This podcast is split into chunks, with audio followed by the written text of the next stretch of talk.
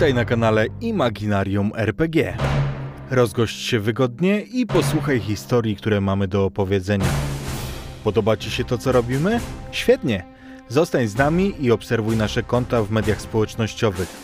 Jeśli masz ochotę, zapoznaj się również z naszym profilem na Patronite, gdzie już od 10 zł miesięcznie możesz dołączyć do grona patronów Imaginarium.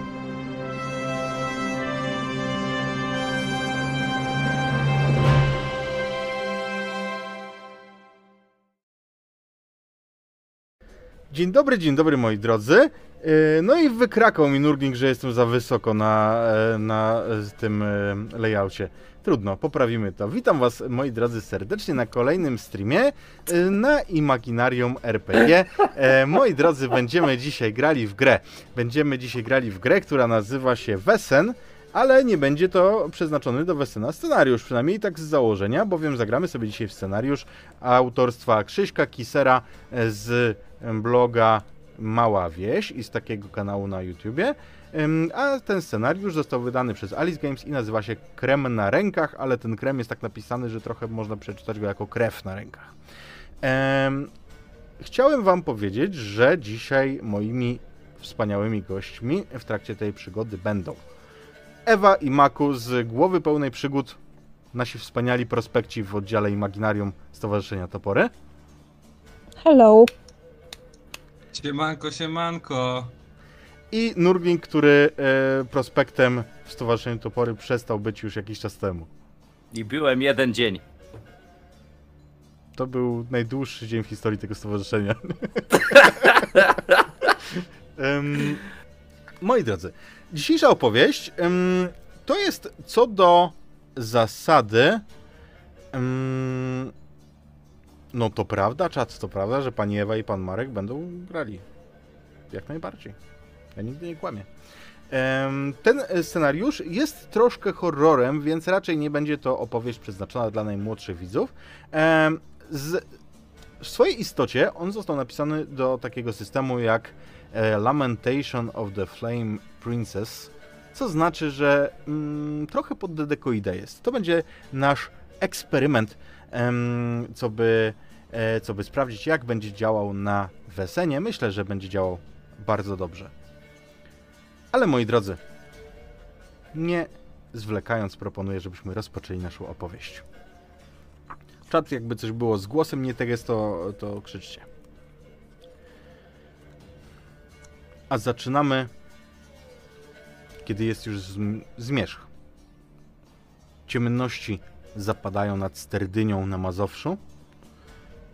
I to nie jest specjalnie późno, dlatego że w listopadzie w tej części Europy dosyć szybko robi się ciemno.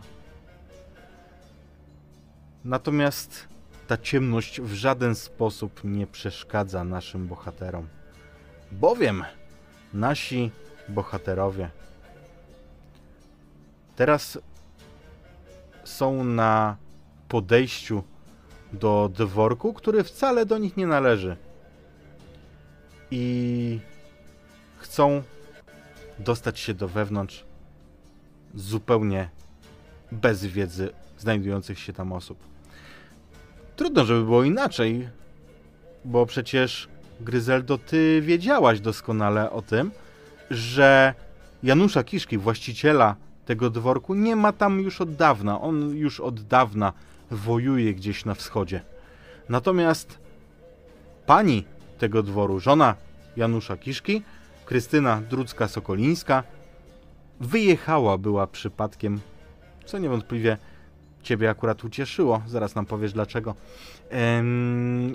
wyjechała pełnić obowiązki towarzyskie, bowiem pojechała uczestniczyć w ceremonii, w uroczystości em, mianowania Stanisława Kiszki, czyli jej szwagra, na biskupa Żmudzi.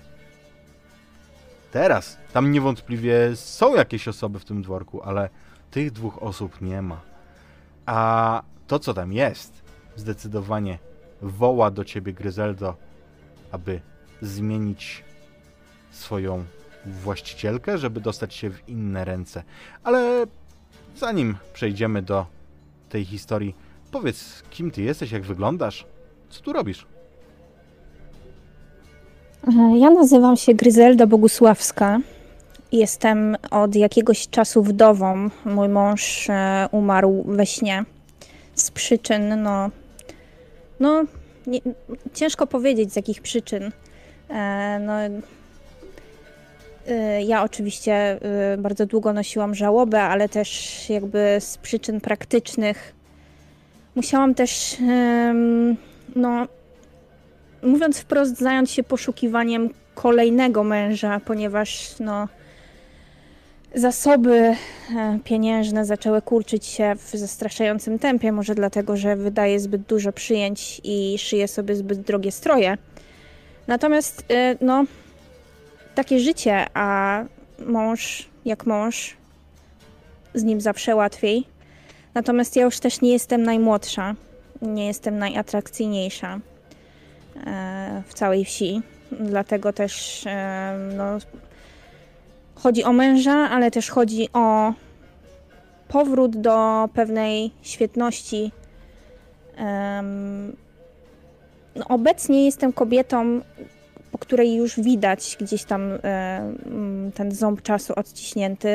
Mm, Jest, są zmarszczki, e, jest tam gdzieś opadająca powieka na oku. Mm, Mimo usilnych starań, e, nakładanie jakiegoś makijażu, żeby to zamaskować, no to z bliska to i tak widać. Staram się oczywiście nosić jak najlepsze stroje, jak najlepsze fryzury. Ja jestem szczupłą kobietą. Mm, Akurat wagi mi z wiekiem nie przybyło. E, Mam też e, długie, czarne, lśniące włosy, które najczęściej gdzieś tam upinam w jakieś fantazyjne fryzury. Natomiast w dniu dzisiejszym mam na sobie jakąś dosyć prostą, e, ułatwiającą ruchy e, suknię e, i włosy zebrane w, w prosty warkocz. E, Może dlatego, żeby nie przyciągać uwagi, a może też z uwagi na to, że jestem tutaj trochę, a właściwie bardzo nielegalnie. Ale poczekaj, poczekaj, bo z tego co ty mówisz, to brzmi, moja droga, jakbyś ty tutaj przyszła znaleźć męża. Kto wie, może. Natomiast zdaje się, że jesteście tu z zupełnie innym zadaniem. Ile zdradziłaś swoim towarzyszom? Ile oni wiedzą o tym, po co idziecie?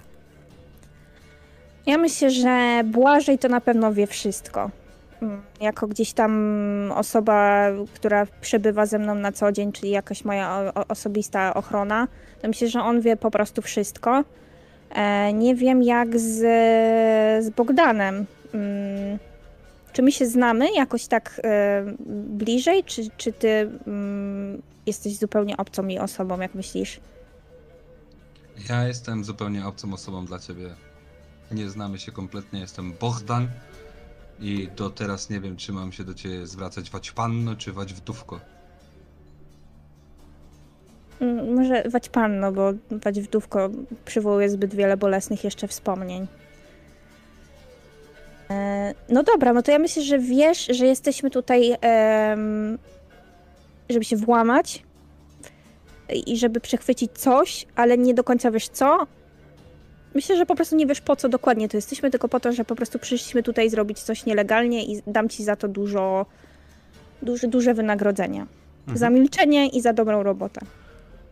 To, co na pewno Błażej i Gryzelda wiedzą o sąsiadce, to to, że Krystyna nazywana jest już w niektórych kręgach polską Afrodytą. I oczywiście ma to związek z jej niebanalną i naprawdę nieprzemijającą urodą. Natomiast przede wszystkim kluczowe jest tutaj to, że Krystyna jest producentką wyjątkowego kremu, piekielnie drogiego, ale działającego cuda i wszystkie szlachcianki, magnatki w okolicy starają się zaopatrzyć w tenże krem i z tego jest znana e, Krystyna. To, co widzicie, to jednopiętrowy, przez jednopiętrowy rozumiem, że jest parter i jedno piętro, po polsku, Yy, to, to liczymy, Mm, dworek. Dworek, który w ostatnim czasie został przebudowany. Myślę, że Gryzeldo, ty może tutaj kiedyś byłaś? W gościach albo na jakiejś okazji? Myślę, że tak, że jak gdzieś tam się kręcę. Em, no tutaj, tutaj w okolicznej szlachcie, nie? Że ja się jestem też taką osobą, która się może też gdzieś często wpycha, nawet To- nieproszona. Więc byłaś tutaj jeszcze za czasów, kiedy Krystyna była tutaj krótko żoną e, władającego tutaj Kiszki. I wtedy to był zwykły szlachecki dworek. Teraz, teraz zmieniło się tutaj bardzo dużo. Przede wszystkim, kiedy tylko podchodzicie, dworek jest o, oświetlony, wy jesteście w cieniu, więc spokojnie możecie się przyjrzeć. I widzicie to, że on został totalnie przebudowany. Zostały zniszczone zabudowania gospodarcze, stodoła, chlewik. Tu została tylko tak naprawdę poza domem szopa, bardziej taki barak, w którym podchodząc słyszycie od razu, że biesiaduje ewidentnie służba. Słyszycie podniesione głosy. To jest charakterystyczny dźwięk, kiedy mężczyźni piją. I taki też słyszycie z wnętrza tej szopy na uboczu. Sama, sam budynek został przebudowany. Jest tutaj masa kolumienek i wszystko jest przerobione na modłę grecką, odwołującą się, jak to jest bardzo modne, do antyku. Błażej, spójrzmy na ciebie, jak ty reagujesz na tak bogato zdobny dom, bo przecież tyle pieniędzy tu zostało wpompowanych. A gdzie mi jest tam patrzeć na to, co możni robią? Oni rozumu za bardzo nie mają chłopskiego, oni jeno pieniądze i zbytki. A mnie tylko służyć jest i za tą niewiastą tam, gdzie mi każe. Po co mi innego pozostaje? Słuchać mam się jej, łby rozbijać, jeżeli wskaże palcem. A to, że życie sobie psuje i że chłopa sobie znaleźć nie potrafi i to, że głupstwami się zajmuje, to nie moja rzecz jest. Ojciec kazał jej mnie chronić, więc ja podążam za nią jak za taki olbrzymi cień. Szeroki w barach, okutany w jakiś płaszcz, z jakimś futrem na kołnierzu, ze zwierzęcia tak samo niskiego urodzenia jak moje własne. Więc patrzę na te zbytki i zastanawiam się, ile złota stamtąd wyniesiemy. A obok olbrzyma, Bogdanie, spójrzmy przy okazji na ciebie, bo ty będziesz w porównaniu do niego chyba nieco mniej nachalnej postury, prawda? Prawda, e, Bogdan jest dosyć niski i taki wąski troszkę. Można powiedzieć, że jest e, niski jak e, krzaczek i taki szczuplutki jak gałązka, ale za to wynos, wyniosły troszkę. Można powiedzieć, że odnosi się z taką jakby wyższością. Mimo, że ma przy sobie jakąś hrabinę, szlachciankę, to dalej ma wrażenie, że jest troszkę od niej większy, wyż, wyżej w hierarchii, bo to ona zwróciła się do niego, a nie on do niej. Na głowie lekka taka czapka z bobra, do tego jakiś kaftan, szabla przy pasie i zawidacki wąs taki rolowany. Co ty tu robisz, kozaczyno? I gdzie znalazła cię Bogusławska, żeby cię nająć? Znalazła mnie w jednej z trzód, w której spałem. Niestety, bo niestety, e, moje życie polegało na hulaczce, zabawie i bójkach. I raz się przespałem w jednej trzodzie i znalazła mnie taka jedna, która zaoferowała pracę, zaoferowała pieniądze. No i żebym podniósł jakiś ten swój stan życia troszkę wyżej. A najbardziej zależy mi na obijaniu mord ludziom. Jasne. Gryzeldo, czy ty miałaś okazję wypróbowania kremu Krystyny? Czy tylko ze słyszenia znasz ten specyfik? Nie, ja myślę, że ze słyszenia i przez to, że ja też jestem skąpa, y, jeżeli chodzi o, na- przynajmniej w ostatnim czasie, bo jakby gdzieś tam te, ten, te, te, te pieniądze, które mam, one już, no, no już uszczupliło się bardzo mm, to wszystko, co było, co zostałam, dostałam w spadku po mężu. W związku z tym, no jakby nie mogę wydawać na tak drogie rzeczy, bo no, nie byłoby mnie stać potem na nic innego. Jasne. Dobrze więc. Oddaję wam scenę, kiedy właśnie zbliżyliście się na tyle, że już słyszycie te śpiewy pijanej służby, jakiejś czeladzi w tym y, baraku stojącym nieopodal rezydencji. Natomiast wewnątrz ewidentnie rozświetlone jest, no ale wiecie, że tak ma być, niezależnie od tego, czy państwo są wewnątrz, czy ich nie ma, to, to światła się świecą, no przecież tam jest służba i na pewno ktoś opiekuje się tym, e, tym dworkiem, natomiast nie widzicie wokół niego nikogo. Na mapie, którą wam udostępniłem, macie rzut zewnętrzny, żebyście widzieli, jak wygląda mm, ten budynek. Natomiast, żeby zajrzeć do środka, musielibyście podejść. Główne drzwi są na lekkim podwyższeniu. Prowadzą tam trzy szerokie schody. Po prawej i po lewej stronie są kolumny z takim kwiecistym, niezwykłym motywem wyrzeźbionym.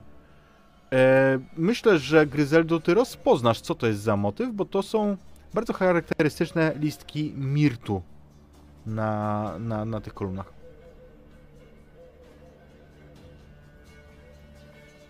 Mhm. To co, to my na imprezę przyszli, tak? Na, na biesiadę. Tutaj, tak? Ja nie, nie wiem, co mi do łba strzeliło, że ja wyciągnęłam do ciebie rękę. W każdym razie, yy, Błażeju, i odwracam się tak yy, specjalnie po prostu do ciebie plecami, Bohdanie, żeby ci zademonstrować, jak bardzo tobą gardzę w tym momencie. Yy, Błażeju, jak myślisz, powinniśmy wejść tak po prostu, frontowymi drzwiami, czy zakraść się jakoś? No, nie wiem. Spoglądam w dół. To jak panienka powie, tak zrobimy. Przodem może być bezpieczniej, bo służba tamtędy no, nie przywykła wchodzić. No i wejście będzie też prostsze. No, z żadnymi skoblami nie trzeba będzie się szamotać, a i zamek powinien być słabszy. Zawsze A. mogę wziąć tego tutaj i go wrzucić po prostu gdzieś na dach, żeby się tam gdzieś wspiął i potem nam otworzył. Na dach to Wrzucić- na dach raczej nie dasz to rady. możesz. Na dach raczej nie dasz rady, tak tego sprostuję, bo on to jest piętrowy budynek. Natomiast na balkon jak najbardziej. Jak widzicie na mapce po prawej stronie waszej jest e, ten dolny taki tarasik i nad nim jest adekwatnie balkon. Również tam. Ja to wiem, ty to wiesz, on tego wiedzieć nie musi, a spróbować zawsze by można było, bo nie podoba mi się ten kozaczyny. Ale pani, jak powiesz, to możemy zrobić. Ja bym podszedł do drzwi i po prostu otworzył je. Może zamiast podchodzić do drzwi, rozejrzałbyś się tym swoim wielkim, pustym łbem i zobaczył, czy przez okna nikogo nie widać, co? Jeżeli już chcesz się włamywać, to rób to z głową. Hola, hola, człowieniu. Rozejrzyj się, zobacz, czy tu w oknie nikogo nie widzisz, czy tu w oknie nikogo nie widzisz. Mam ci palcem pokazywać. No wać pan, no niech pani z nim dała. porządek zrobi, dobrze? To użyj naprawdę, no z amatorami na taką- Na taką, na, na taką robotę iść, no to to jest jakiś, jakiś, jakiś bezsens. Ty niski jesteś, ledwo od ziemi odstajesz. Może ty ruszysz przez zarośla jak ten wąż i tam sprawdzisz, co tu się dzieje. Dobrze, dobrze, nie ma sprawy, duży. Nie ma sprawy. Ja się wszystkim zajmę. Nie ma sprawy. Poczekaj sobie tutaj. I ja chciałbym się iść faktycznie rozejrzeć po oknach i zobaczyć, czy tam Mhm. nie widać biesiadujących Jasne. Od frontu te okna masz na myśli, czy, czy dokładnie, no dokładnie. Tam, gdzie naj, naj, naj, najgłośniej słychać tą muzykę i ten, ten gwar. Muzykę i gwar nie słychać z budynku głównego, nie z willi, tylko z baraku, gdzie. I to tam nie ma muzyki. Tam słyszysz e, dźwięki ewidentnej popijawy, to musi być strzelać. Ale to nie, nie z głównego budynku, tylko z e, szopy, która jest na lewo trochę. No dobra, to rozglądam się po oknach tutaj z frontu, jak Mhm. patrzę na budynek. W porządku. Ojciec panienki w grobie się przewraca, że z taką kompanią panienka przestaje. Ty mi tu o ojcu nie mów. Ojciec to mi powinien większą fortunę zostawić, a nie. Pewnie do grobu zabrał. Pytanie. Podchodzisz do okien. One są dosyć wysokie, ale jesteś w stanie, podciągając się na parapecie, e, gdzieś tam e, brzęknie trochę ten blaszany parapet, ale, ale jesteś w stanie zajrzeć. I kiedy zaglądasz do pierwszego okna z lewej strony, to twoim oczom ukazuje się pusty salonik.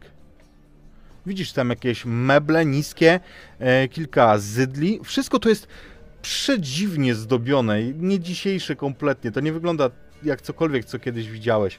Te meble są ozdobione takimi stylizowanymi na kolumny greckie, właśnie takimi jak te przy wejściu, nogami, a na każdym stoliku zauważasz, że stoi jakiegoś rodzaju pozłacana albo mosiężna figurka. Przez okno trudno ci zobaczyć, cóż to. No, no to tu mamy puste pomieszczenie. Widzicie? Nie można wchodzić, proszę bardzo. Spróbuj otworzyć te drzwi, wielkoludzie. Nasuń się. To znaczy, które drzwi? Tu są No, te, te główne, te, główne, te... Mhm. Kiedy podchodzisz do głównej, myśl, myślę, że jak, jak się odzywasz, to i błażej się zbliży i zobaczycie, one są przeszklone. Więc zobaczycie, że za tymi drzwiami jest przedsionek. Wewnątrz widzicie, że po prawej i po lewej stronie rośnie dużo krzaków. Gryzelda od razu rozpozna w nich mirt. I to nietypowe, bo ten mirt kwitnie, a mamy listopad. Ale z drugiej strony wewnątrz tam musi być ciepło. Dalej, za tym e, przedpokojem, za tym, za tym e, wiatrołapem są kolejne dwuskrzydłowe drzwi. To może, żeby skończyć, bo zakładam, że, że Bogdan by zajrzał do wszystkich okien od frontu, ośmielony tym, że nikogo nie ma, bo i tutaj nikogo nie ma. W trzecim pomieszczeniu, kiedy przyglądacie się uważnie, to musi być jakiś pokój czytania, biblioteka, bo są tutaj całe regały książek, natomiast nie to jest istotne. Istotne jest to, że Bogdan, kiedy zaglądasz przez okno, to widzisz, że jedne z drzwi, które widzisz po prawej stronie, są otwarte na oścież. To są drzwi na zewnątrz. Teraz wam je pingam.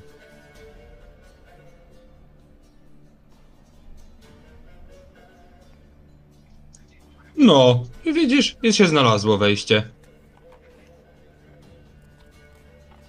Czyli właściwie musimy przejść tylko przez tą balustradę, tak? Tak, to, to nie byłoby trudne. To jest tak naprawdę łatwiejsze niż podciągnięcie się do okna, co przed chwilą zaprezentował Bogdan. Podejdę do tego balkoniku, nastawię stópkę panience, a żeby ją tam przerzucić przez ten balustradek, tak żeby wejść mogła i krzywdy sobie jakowej nie zrobiła. Mhm. A tak, po czym y, sam się wespnę. Mozolnie, noga za nogą, przerzucę kopyto, czy jedno, drugie.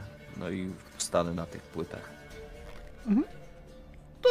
Nie jest coś, na co będziemy rzucać. To po prostu wejście niespecjalnie trudne.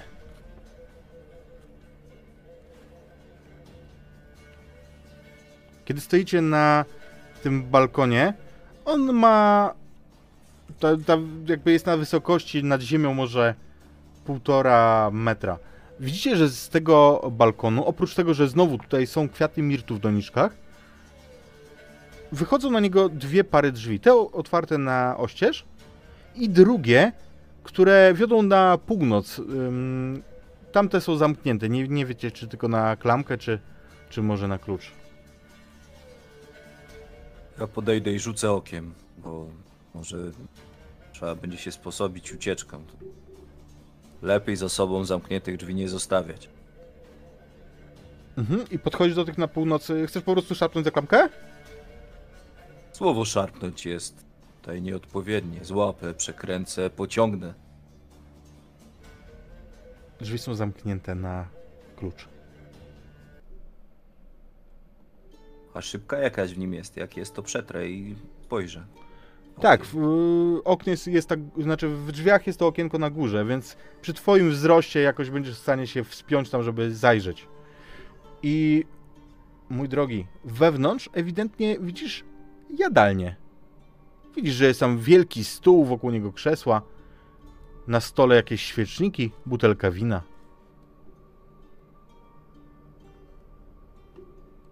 Panienka tu była już, to może panienka poprowadzi no, jest tą kompanię do środka. No i tak jak myślałem, kobietę pierwszą wyślę. Aha, taki kozak. No właśnie. Ja chciałbym wejść do tego pokoju, gdzie była czytelnia, gdzie były książki od razu. Mhm. Kiedy wchodzisz, jesteś otoczony tymi regałami pełnymi książek. Tylu książek to Bogdanie myślę, że nie widziałeś w życiu. Wokół jest przedziwna atmosfera, cisza panuje w całym budynku. Na północ od tego od tej czytelni masz przeszklone drzwi, które wiodą do jadalni, więc teraz wyraźniej jeszcze e, zobaczysz wspomnianą jadalnię, którą Błażej widział przez okienko.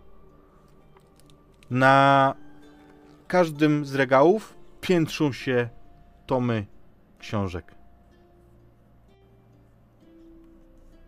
Mm, To ja wchodzę za Bogdanem mm, i ja zaczynam od razu przeszukiwać te wszystkie książki. I to tak na zasadzie, że podnoszę, kartkuję, potem je tak podnoszę za mm, okładki, żeby sprawdzić, czy czegoś nie ma w środku, żeby ewentualnie wypadło wtedy na ziemię. Mhm. E, I też rzucam tak gdzieś mimochodem do Bogdana, że szukaj mi tu receptury. Powinieneś poznać, że to przepis. Tak jak na bimber.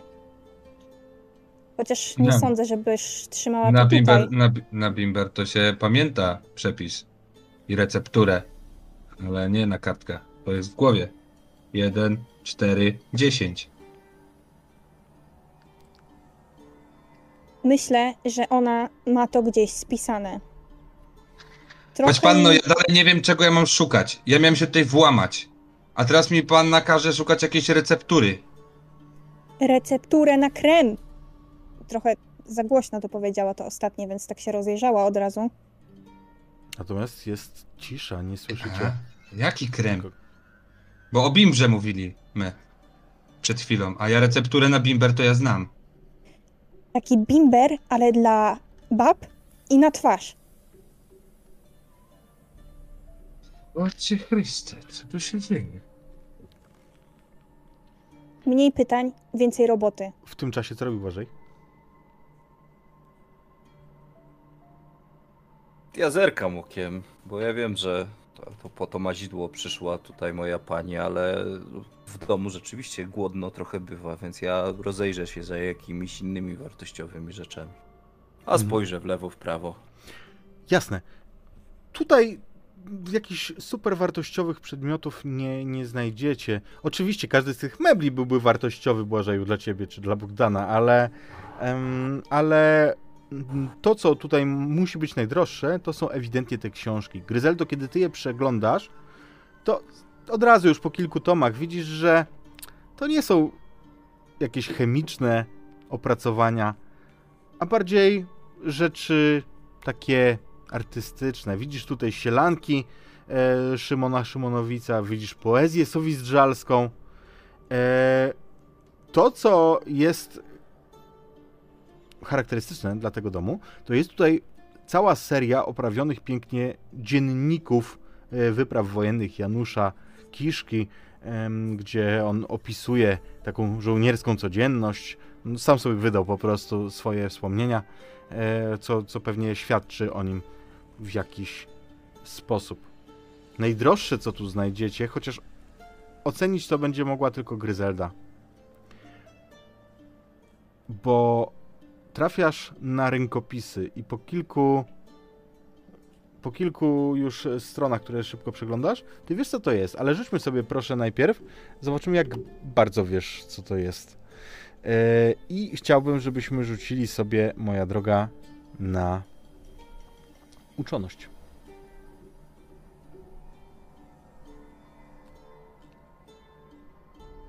Mamy sukces. Więc ty rozpoznasz. Moja droga, to są oryginalne rękopisy. To są erotyki Mikołaja Sarzy- Szarzyńskiego. Biały kruk.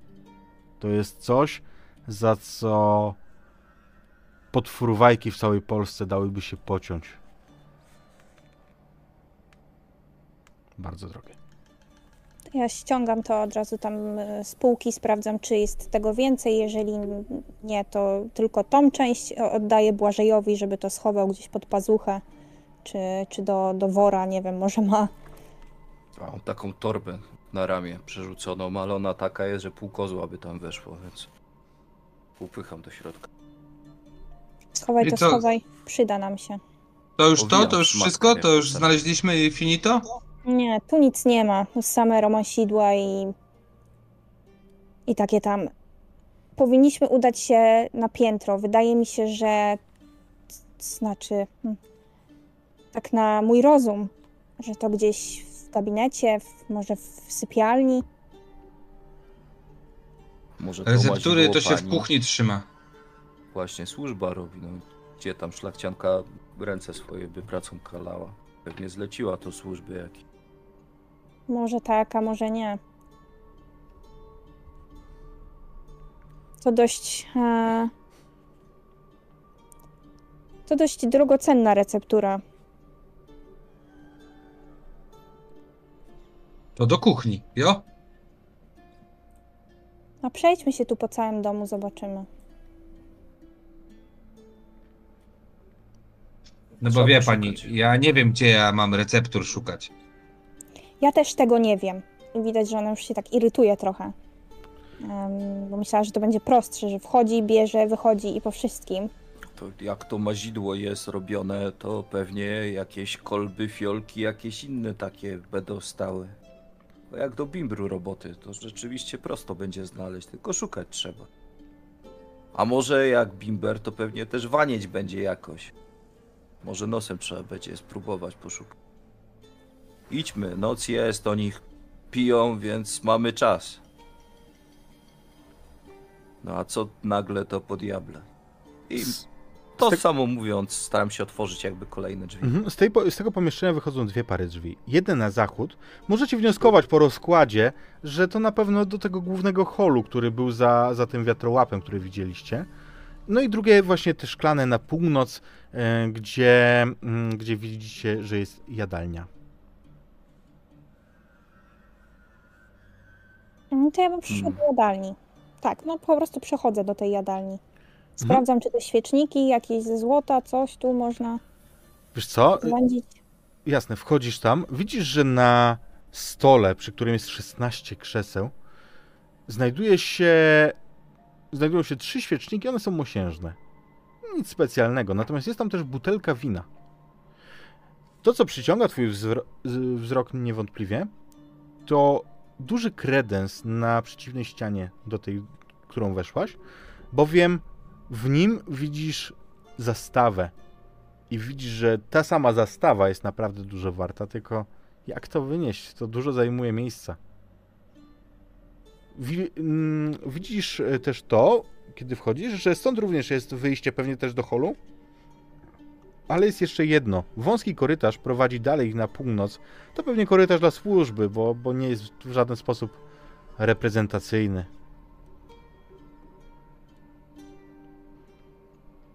Kiedy- zawieszam to spojrzenie na, na jakiś czas na tej zastawie i tak się zastanawiam i trochę patrzę a to na Błażeja, a to na Bogdana, ale potem macham ręką i no i chyba w, w, w, w stronę tego korytarza, po prostu w ten korytarz wchodzę, no. Jasne. E, W międzyczasie Błażej i Bogdan, czy wyjdziecie za Gryzeldą, czy, czy rozchodzicie się po tym domu? Jak cień. Ja także idę za Gryzeldą. Jasne.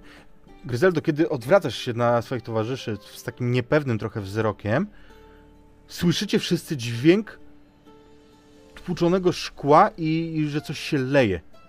I to, to jest pierwszy hałas, który słyszycie w tym domu. To was e, sprawia, że podskakujecie wszyscy, ale to, co się okazuje, to to, że to ta butelka wina, która stała na stole.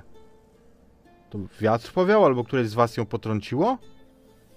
Nie wiem tego, ale widzicie czerwoną plamę na podłodze, która e, jest wokół butelki. Który to? No ja nie. Ja nieśpiesznie składam znak krzyża.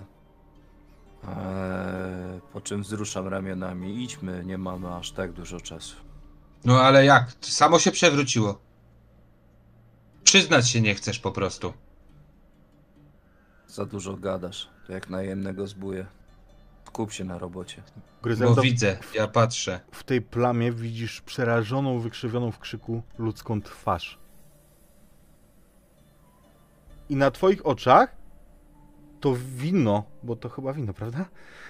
Wsiąka w podłogę. To jest lakierowana, piękna podłoga, a ono w nią wsiąka jak w zwykłe drewno.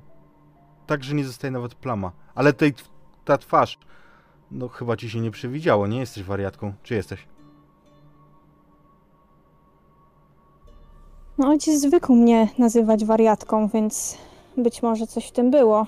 Natomiast ja to zrzucam na, e, na zdenerwowanie po prostu, na, na, na, na jakby okoliczności, w których się znajdujemy, więc widzicie przez moment, że jakby pobladła ta twarz tej Gryzeldy, e, ale po chwili jakby wróciła do siebie i ruszyła do tego, e, tym korytarzem po prostu. Bez słowa. Dobrze. Wy po chwili widzicie, że tam nie ma ani kropli wina, tam gdzie się wylało. Panowie też to zauważycie. Zaglądasz do korytarza, który jest długi i wąski. Po obu jego stronach są drzwi.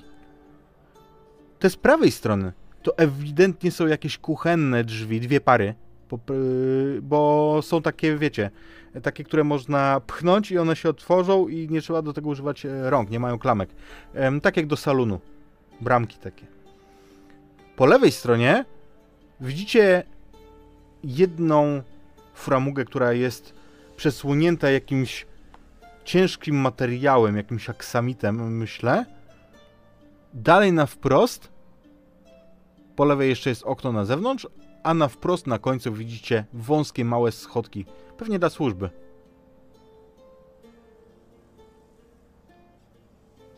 Skoro mówiliście, że to służba może ważyć ten bimber, to może powinniśmy iść tak jak służba, co? Z wodami dla nich. Ja bym sprawdził byśmy to znaleźli. w domu. Tak, żeby potem się nie pogubić, więc każde drzwi po prawej sprawdzajmy. W ten sposób wszystko obejdziemy i nic tam nie, nie ujdzie. Nie wiem, czy widziałeś to, co się stało z tym winem i jak wsiąknęło w ten lakier. Nie wiem, czy ty wiesz, ale ja wiem, że to nie powinno tak działać, nie powinno tak robić. Więc może znajdźmy to szybko, co chcemy znaleźć, a na zwiedzanie to może przyjdźmy za dnia, dobra? I jak nas zaproszą, ok? Głupiś. Po co pytasz, skoro odpowiedzi nie chcesz usłyszeć? Jak nie Znajdźmy. chcesz usłyszeć, to nie pytaj. Mówię, idę wprost tym korytarzem i otwieram pierwsze drzwi po prawej. Te, te takie właśnie bujane drzwiczki, nie?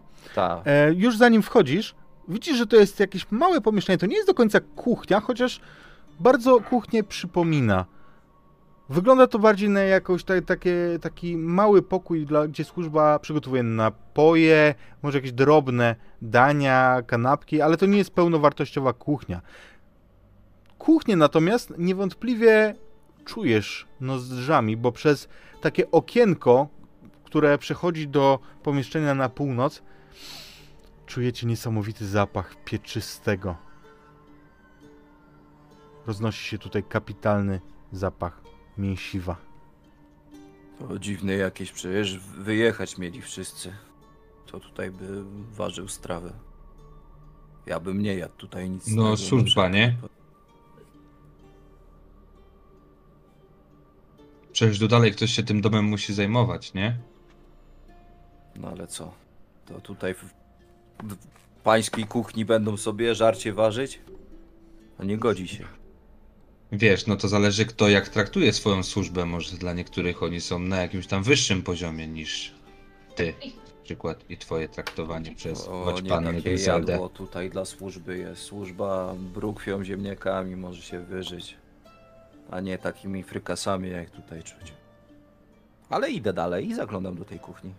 Mhm. Przez okienko, czy, czy przechodzisz po prostu tam Nie, przez korytarz? przez okienko. Panienka z okienka jestem, czy co? Gryzeldo i Bogdanie, wy podążycie za Błażejem, czy, czy, czy chcecie zostać jeszcze w tej małej e, kuchence? Nie, ja idę za nim. No. To, to, jest trochę tak, że jak on jest moim cieniem, a oddala się ode mnie, to wtedy ja się staję jego cieniem. Mhm, rozumiem. Bogdan, więc ty zostaniesz jako ostatni w tej kuchni. Nawet jeżeli wychodzisz za nimi, to wychodzisz jako ostatni. Słyszysz stuknięcie, tak jakby ktoś odstawiał talerz na blat. Za sobą. Odwracam się. Nikogo tu nie ma. Ale Ale w tym okienku z kuchni nie było też tego talerza wcześniej. Widzisz pusty, głęboki talerz jak do zupy. Od razu szablę wyciągam.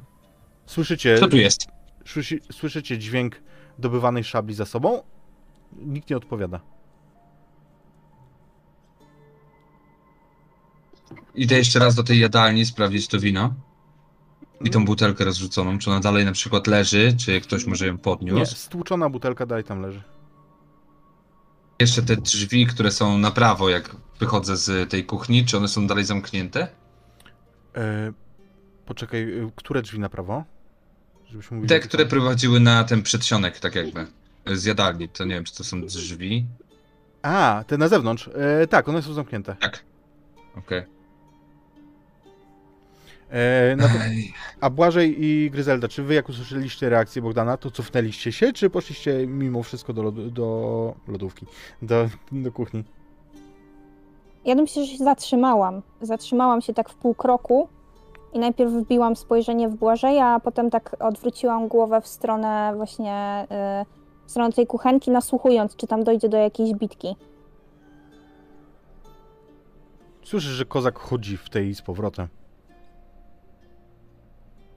Błażej? Niech łazi. Gdzie czego on się na kogoś napatrzy. A ty idziesz dalej do tej No głównej idę do tej kuchni. Idziesz, No, tak? Idę. Mhm. A. Kiedy wchodzicie, wchodzisz, widzisz, że na stole, no to jest naprawdę pełnoprawna, duża kuchnia, pięk, pięknie wyposażona i na stole, który jest podłużny, widzisz upieczonego całego świniaka z jabłkiem w pysku. Jest tutaj naprawdę bogate wyposażenie. Na prawo od wejścia, czyli tak jakby na południe, widzisz małe drzwiczki na końcu pokoju. One są zamknięte, nie, nie, nie są uchylone. Drugie wyjście z tego pokoju, poza tym, przez które wszedłeś, jest w jego północno-zachodnim e, kącie. Widzisz, że tam jest przejście gdzieś dalej. To są małe okienka, małe, e, nie okienka, tylko małe drzwiczki, tak jak właśnie do służbówki. To ja podejdę i sprawdzę, czy piec jeszcze ciepły. No bo jak świniak tak pachnie, no to ciepły być powinien. Napalone w piecu jest, czy zimne? Jak go... Jest już wygaszony, ale jeszcze ciepły.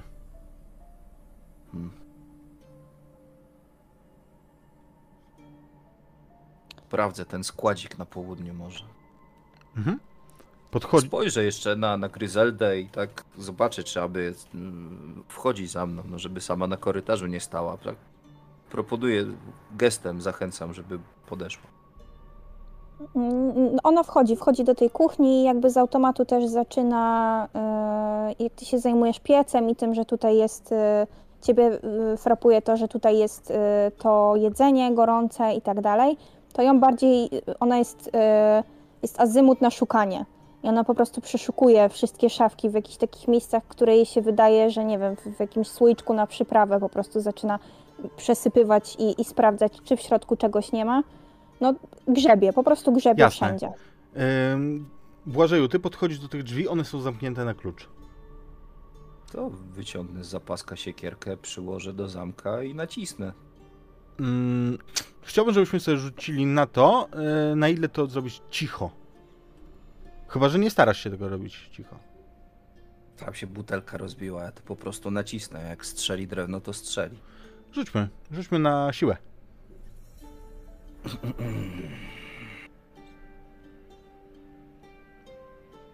Mam tutaj coś takiego. Na talent nie da się rzucać, po prostu z łapy nie, to po prostu tak? z łapy doliczasz, tak. Pamiętaj, żeby wpisać 2, a nie plus 2. Siła. Pyk.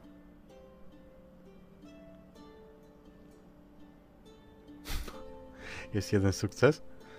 Em, I faktycznie udaje ci się otworzyć maleńkie pomieszczenie. W momencie, kiedy kiedy on otwiera drzwi, Gryzeldo, ty słyszysz stuknięcie obok siebie. Gdzieś zaraz obok ciebie akurat masz w ręku słoiczek jakiejś egzotycznej przyprawy. Niech to będzie jakiś cynamon, coś, coś rzadko spotykanego w tej części świata. Zachwycasz się zapachem i słyszysz stuknięcie w podłogę, dosyć mocne. I może to Błażej, jak otwierał te drzwi, chociaż masz wrażenie, wrażenie, że było bliżej ciebie zdecydowanie. Błażeju, ty otwierasz tak naprawdę nie pomieszczenie, a dużą szafę, taką wnękę sz- szafową. I wewnątrz widzisz, że są półki, yy, gdzie jest komplet ym, zastawy stołowej, ale srebrnej, najdroższej, wiesz, takiej, którą się wyciąga tylko od święta. I niewątpliwie tu jest warty naprawdę ogromną fortunę. Tylko znowu, no tego jest dużo. A Gryzeldo, ty Dużo. się orientujesz, że obok ciebie, obok twojej stopy leży jabłko. To, które miała świnia w pysku. Ono jest z jednej strony nadgryzione. Mhm.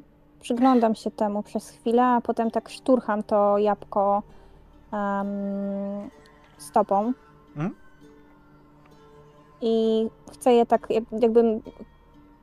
Chcę je tak od siebie po prostu odsunąć, że tak kopię je lekko, żeby one gdzieś tam się potulało dalej. Jasne.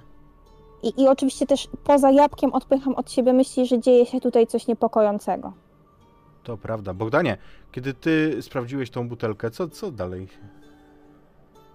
Wróciłem do nich, wróciłem e, skuszony tym zapachem i zobaczyłem, jak właśnie Gryzelda w tam krząta troszkę e, jakby, no troszkę świrowała, tak wydaje. Kopnęła to jabłko, nagle zaczyna tak od siebie odchodzić, otrząsać, a ja z szablą w ręku ucinam troszkę tego świniaka, nabijam na szablę do rączki i do buźki, nie? Mhm.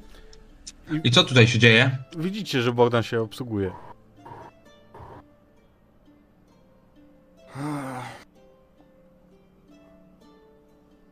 A, psik! Słyszycie gdzieś z głębi yy, domu. Z tej strony, co są te drzwi na północnym zachodzie. Z tego pomieszczenia.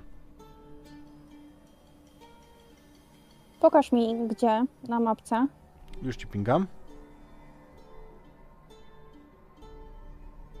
Okej. A drzwi, które otwierał e, Błażej, to są te drugie. Okej. Dobra. To ja myślę, że ja w ogóle gdzieś stałam e, całkiem niedaleko, bo gdzieś tak może sobie szłam po kole, żeby, żeby te szafki tam przeglądać. E, I w pierwszym odruchu nawet chciałam, chciałam powiedzieć, że na zdrowie, ale kiedy zorientowałam się, że Błażej stoi w ogóle po przeciwnej stronie, to jakby podejrzliwie bardzo spojrzałam na te drzwi i automatycznie odsunęłam się, żeby stanąć za Błażejem. A ja do nich podchodzę. Z tą szablą w ręku, z tym, już tą, tą, mięso ze świni wyrzuciłem, ten kawałek. I podchodzę do tych drzwi i sprawdzam, czy one są w ogóle otwarte, czy zamknięte. Kiedy je otwierasz, to robisz to po cichu czy na rympał? E, nie, na rympał.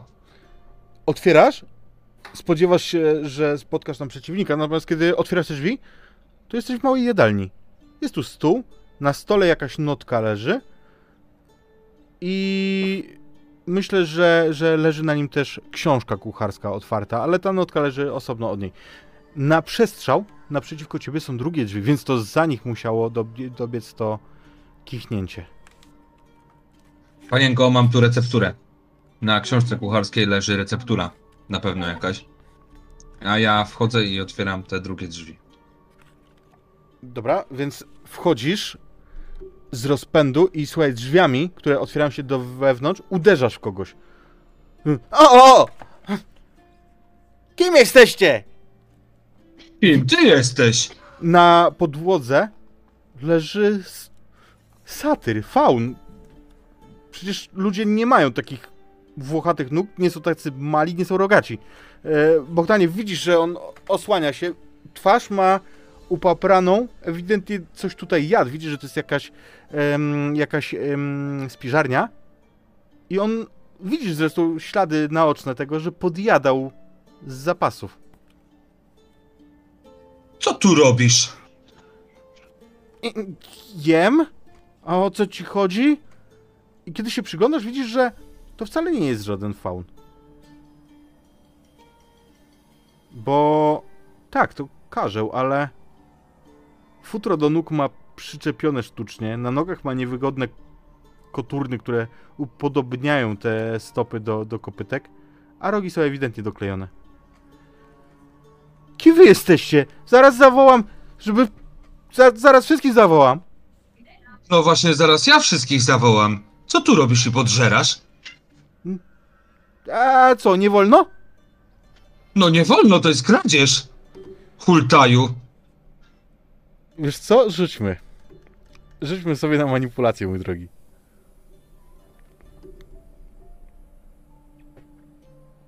E, kiedy słyszycie te głosy Błażej i Gryzelda, wy idziecie za, za nimi, idziecie zobaczyć, co się dzieje.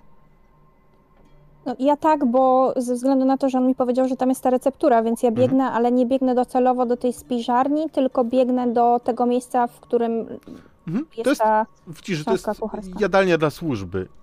I jest ta otwarta... nie pokazuje, żeby nie było widać.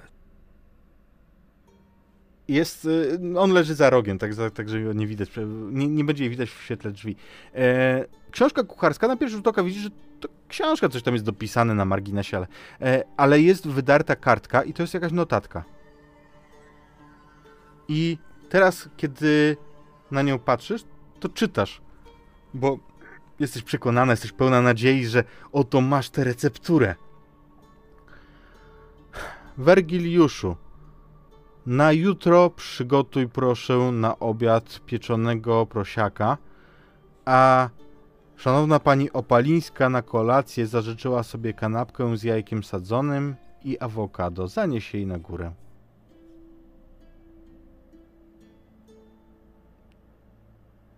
Mhm. Opalińska, ja ko- ko- kojarzę, wiem kto to jest. Rzućmy na lore, w sensie nauczoność. A, jeszcze podpisane to było inicjałem H. Samo H.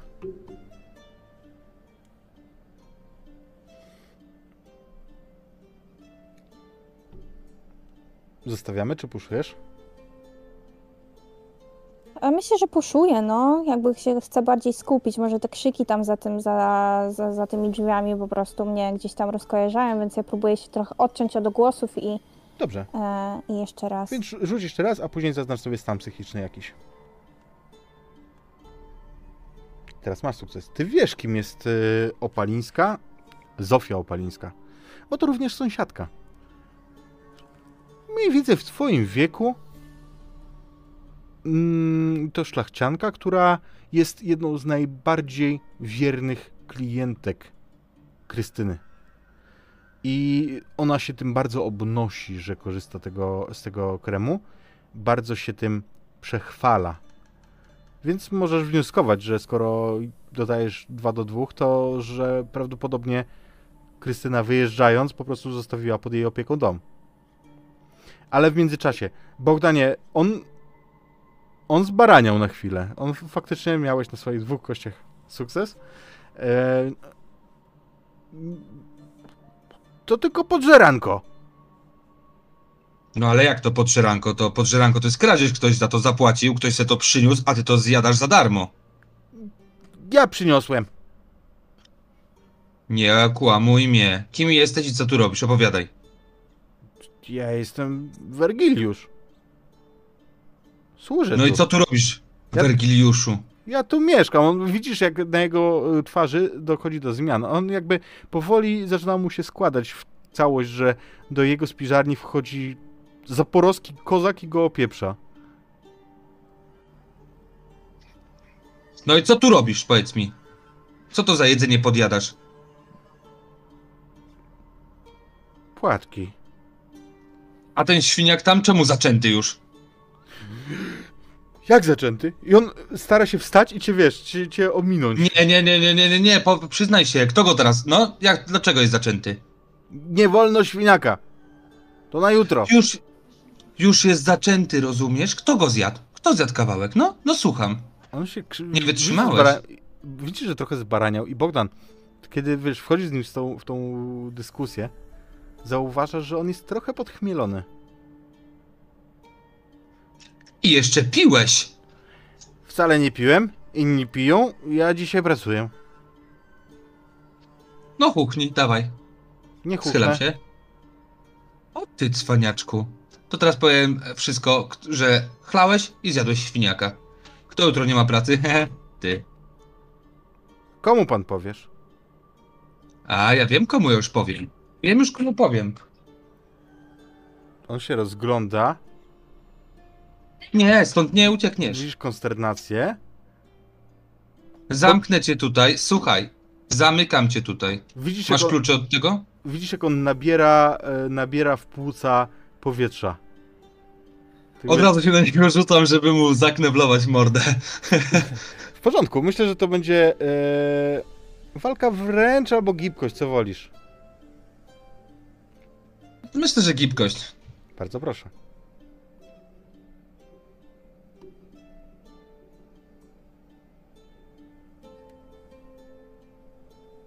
Masz jeden sukces, więc dopadasz go i czujesz potężny, wiesz, po prostu ten napór powietrza, jak on spróbuje krzyczeć, bo stłumiłeś jego wrzask.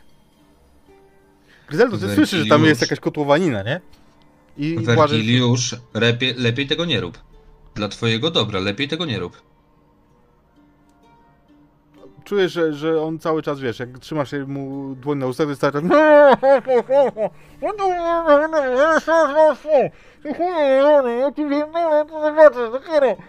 Kurwa, co to jest za fryzura w ogóle? Słuchaj, jesteś pijany, zjadłeś świniaka, chcesz stracić tą pracę? Ja chcę tylko zdjąć te kurwa buty. To ściągnij kurwa te buty. Ale nie drzyj japy, rozumiesz? Myślę, że Wergiliusz się rozklei na waszych oczach. Tam w ogóle siedzi, siedzi taki złamany, ściąga te buty e, z koturnami, które wyglądają faktycznie jak kopytka. Rzuca taki ten... Błażej, ty, tobie to jego jest szkoda. Wiąż go. Wiąż go jak baleron, nikt go tu nie będzie szukał, on jeszcze rumoru narobi. Pewnie, wiążcie. Co jeszcze się stanie? Wergiliuszu to, Wergiliuszu tamto. Co to kurwa za imię jest w ogóle? Że swój swojego tak traktuje, tam w życiu nie pomyślał. Spoko, Wergiliuszu, jest, ja trzymam z tą sztamę. Chociaż drudzy Jesteś mają porządku, gorzej. Zwłaszcza ten, co ma Kto? na imię Safona. Jak ma na imię? No bo nam pozmieniała, no. Dlaczego pozmieniała? Dlaczego pozmieniała? No sobie Wymyśliła, płaci to wy- wymaga. Powiedziała, że mnie A, zatrudni, jak to będzie miał na imię pastwy. Wergiliusz. A, to jedna z takich, a, to już wszystko wiem. Wergiliusz. Jesteś Homer. Czyli Wergiliuszu nie chcesz tutaj pracować, co? A kto mnie nakarmi? Co, może pójdę na sicz, co? To czemu nie? Tak, i będę na czajkach pływał na wyprawy. Weź daj spokój, życie na dworze jest lepsze niż życie we dworze. Popłynę z tobą i będę w- atakował, nie wiem. Na Będziemy Krym. palić O, wioski. Będziemy Krymie. palić wioski.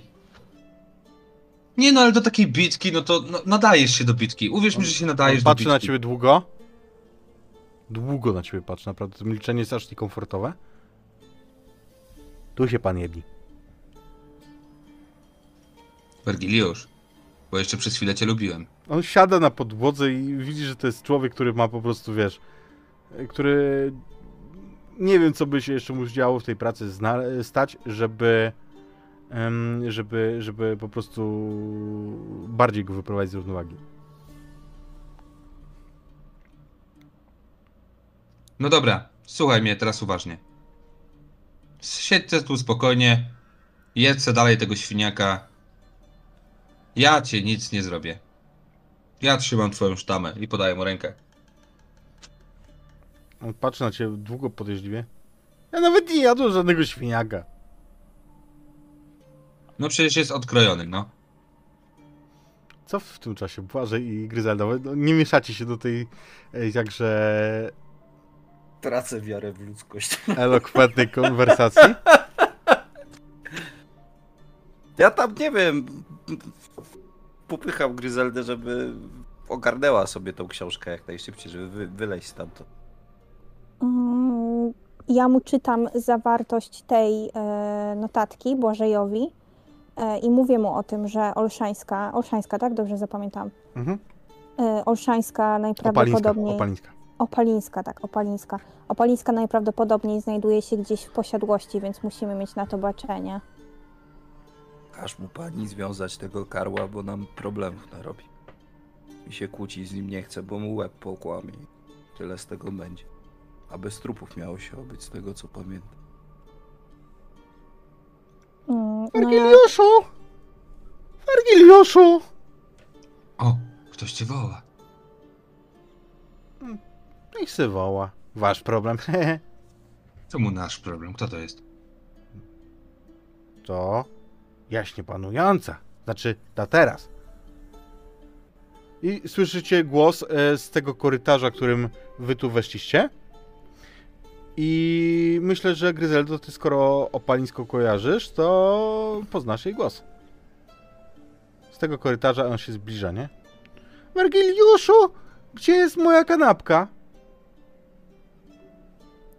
Widzicie, jak ona zaczyna panikować, w sensie Gryzelda zaczyna panikować. Y, y, Przebiega z jednej strony stołu, potem w drugą stronę stołu, patrzy na Błażeja, potem patrzy na Bohdana, y, potem patrzy na okno, tak jakby się zastanawiała, czy da radę z nim wyskoczyć.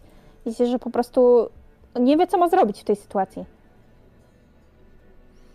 M- masz przygotowaną dla niej tę kanapkę? Nie, zaraz miałem robić. No to powiedz jej, że zaraz jej przyniesiesz, dobra? Nie.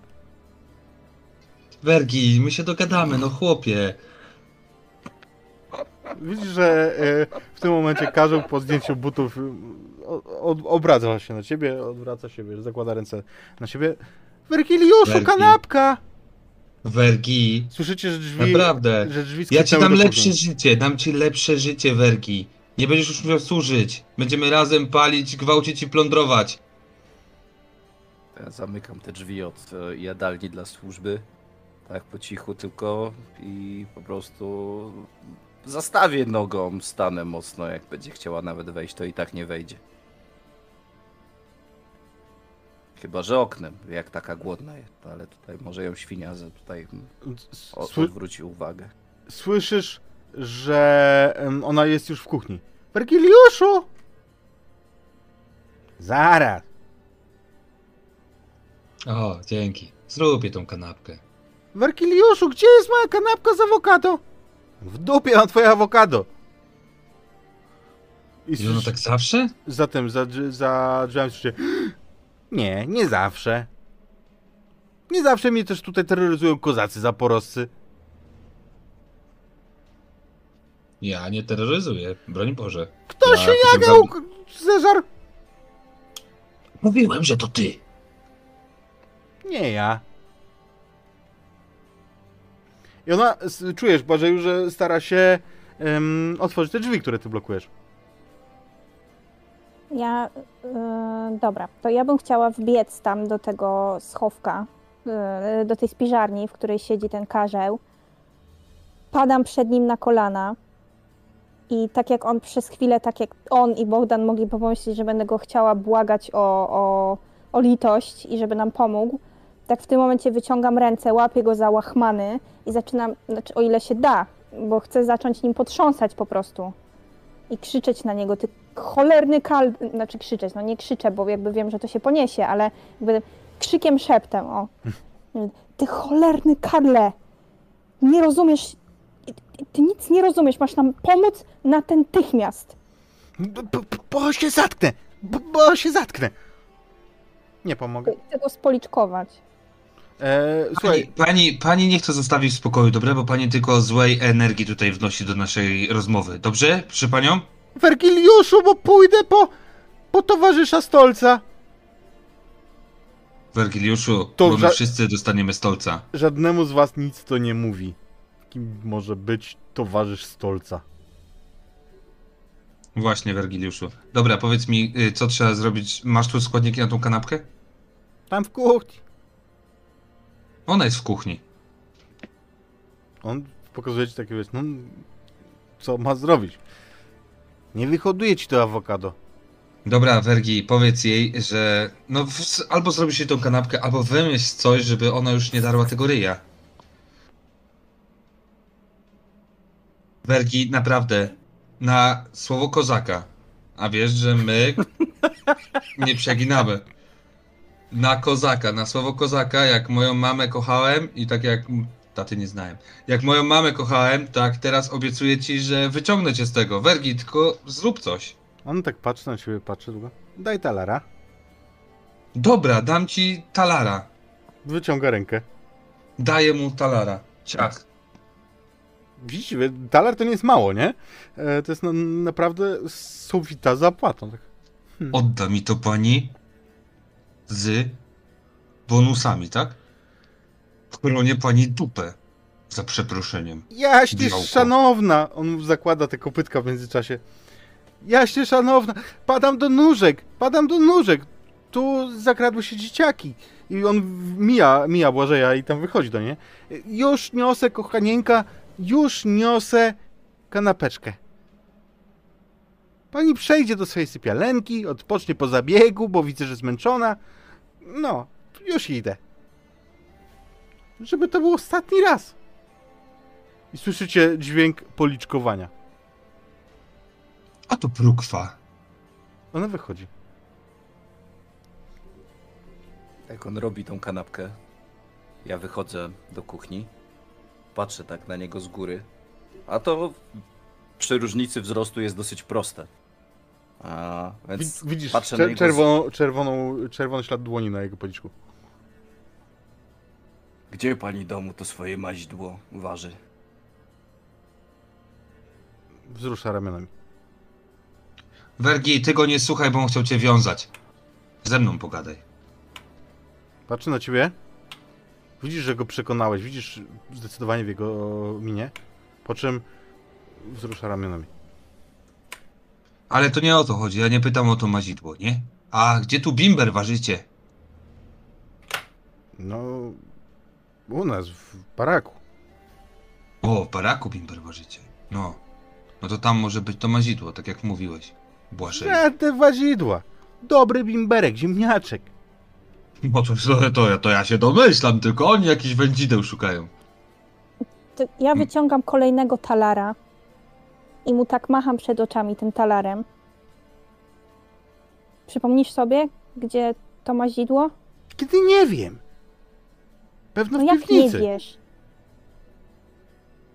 Gdzie pani domu uchodzi tutaj? Gdzie zioła niesie? Toż gdzie mówię, że pewno do rzeczy? piwnicy, no. Głuchyś, ale ja tam nie mogę chodzić. Nie mam tam nawet klucza. Tylko Kto ten ma? jej towarzysz ma. I ona. Kto tu Towarzysz- jest jeszcze we dworku teraz w środku? No. No, nie słyszałeś? Stolec jakiś. no towarzysz stolca, tak na niego mówią. Dziwak. Ten jej lokaj. I to on ma tylko ten on? klucz? Kiwa głową. Chodzi cały czas w tej todze, w rękawiczkach. Twarzy nie pokazuje. Maskę nosi. Daj talar. Gdzie jego pokój? Na górze. Który? Dużo tak, du, du, E, duże to piętro. nad kuchnią. A, a Remi, no powiedz, czy ty sam chodzisz, te kanapki zanosisz, czy ty kogoś prosisz, żeby on chodził i te kanapki zanosił im tam? Sam. Okej. A ona, ona, ona sama śpi w pokoju, czy ma chłopa? Kto ona? No ta, twoja pani, co cię spoliczkowała. To nie Pani jest moja pani. Pałalińska. To ona tylko tu pilnuje. To nie bani. I tak pozwalasz się policzkować obcej pani? Za to mi płacą. Co za pieniądz parszywy. Tak się upodlić. Mówisz do karła przebranego za fałda w tym momencie, nie? Wiem, ale no to okej. Jeszcze świniaka musiał ktoś zjeść. Kawałek. Jak już napoczęty, to można do końca dojeść, co nie? Wzrusza ramionami, kończy robić tą kanapkę. To ja kroję sobie drugą, drugą część tego świniaka i też sobie tam podjadam. Wergiliusz was zostawia. Macie nadzieję, kiedy wychodzi, że że jest słowny i na przykład nie poszedł powiedzieć, że są tutaj intruzi.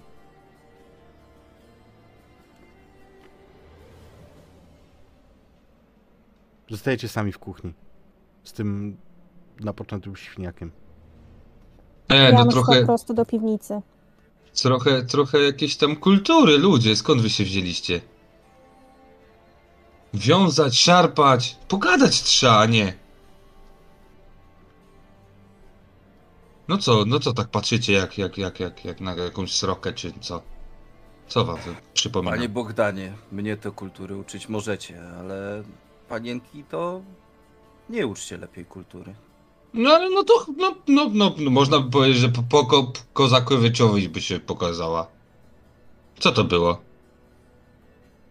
Wszak inaczej, jak nas tu znajdą, to bez względu na to, kto i my jesteśmy, to wisieć będziemy.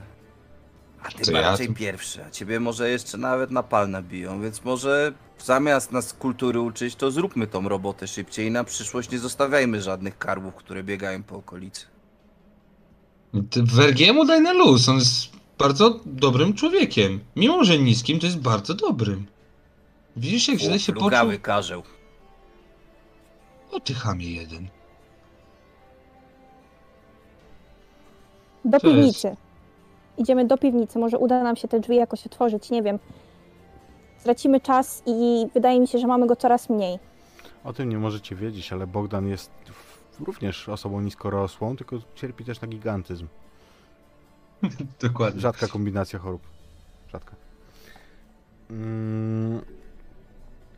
Więc idziecie do tych schodów dla służby i w dół, tak? Dokładnie. Kiedy schodzicie piętro niżej, to waszym oczom ukazują się schodki.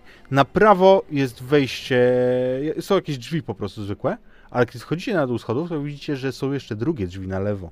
Ale te na lewo są kute i żelazne. Widzicie potężne sztaby, dziurkę do klucza, która wygląda jak w jakimś po prostu zamku. Podejrzewam, że te po prawej są otwarte, prawda? I tam tylko piwniczka na wino jest. Mm, Są otwarte, chcesz tam wejść? No raczej. Jakbyś zgadł, to magazyn. A tam po części gdzieś przy ścianie nie ma jakiegoś tutaj schowanego za workami wejścia drugiego. Em, w sensie, czy tu, tutaj chcesz poszukać przejścia tajnego gdzieś, tak? No tutaj gdzieś. Mhm. Rozglądasz się e, i nie widzisz nic takiego, nie będziemy rzucać, nawet nie będę cię podpuszczał. Rozglądasz się, patrzysz jakie tu są e, w tej dużej spiżarni wiktuały i to, mieszczenie, to pomieszczenie mm, zawiera właśnie takie rzeczy, które muszą być w chłodzie. Na tej górnej spiżarni były takie, które mogły być, e, być e, w nieco wyższej temperaturze. Natomiast niewątpliwie jak tutaj chodzisz i szukasz, to tupiąc zauważysz, że to pomieszczenie jest dźwiękoszczelne. Że ono świetnie wytłumia dźwięki z zewnątrz. Hmm.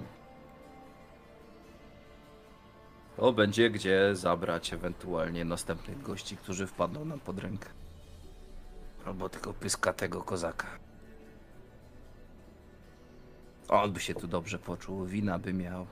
Do końca życia by mu wystarczyło. To nic, to ja podejdę do tamtych drzwi, spróbuję się z nimi posiłować, jak pojrzę w lewo, w prawo. Jak tylko podchodzisz, to wiesz, czujesz, że bez najmniejszych szans. Tu nie wiesz, czy dałbyś radę taranem, a co dopiero własnymi mięśniami. I co, to tamten bimber pędzą? Wącham. Może jeżeli jest tak e, twardy, to może będzie czuć jakiś zapach ziół czy czegoś. Mm, Ja wiem, że jako sługa, że moja pani też się jakimiś mazidłami smaruje i to zazwyczaj kwiatowym jakimś zapachem pachnie. Rzućmy sobie na coś. Ja Ten system nie, nie bardzo przewiduje takie rzuty na zmysły, nie, nie ma takiej zdolności, więc myślę, może jakaś czujność? Chyba, że masz inne propozycje? Brzmi jak czujność.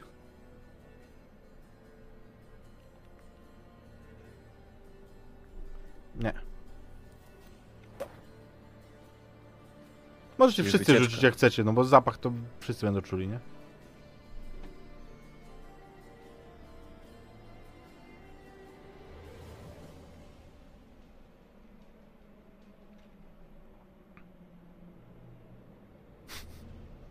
Nope. Podobają mi się te rzuty Bogdana dwiema kośćmi. Raz się udało. A, sekundkę, bo mi coś tutaj nie ten. No stres.